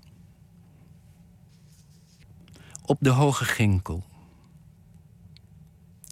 De oorzaak van verdriet is niet geen grote boom te zijn, nog op een slechte plek te staan, maar waar ook, op aantrekkelijke plaatsen of in de drukke schaarste, niet te kunnen voelen het verborgen minste drinken van je wortelkroon. Willem-Jan Otte las eh, een gedicht van Chris J. van Geel op de Hoge Ginkel. Morgen zal hij weer een eh, gedicht uitkiezen en voordragen. Morgen zit eh, Esther Naomi Parkin hier in gesprek met eh, kostumier Rien Bekkers. Hij maakt kostuums voor allerlei producties. Het Nationaal Theater in Den Haag, Toneelgroep Amsterdam... het Berlijnse Schillertheater en de Staatsopera in eh, Mannheim. Een gesprek dus over eh, kostuums, kleding en theater. eh, morgen in Nooit meer slapen. Zometeen de nachtzuster Astrid de Jong. Die is zich aan het voorbereiden, maar ze zal straks klaar zijn. En ik wens u een hele goede nacht.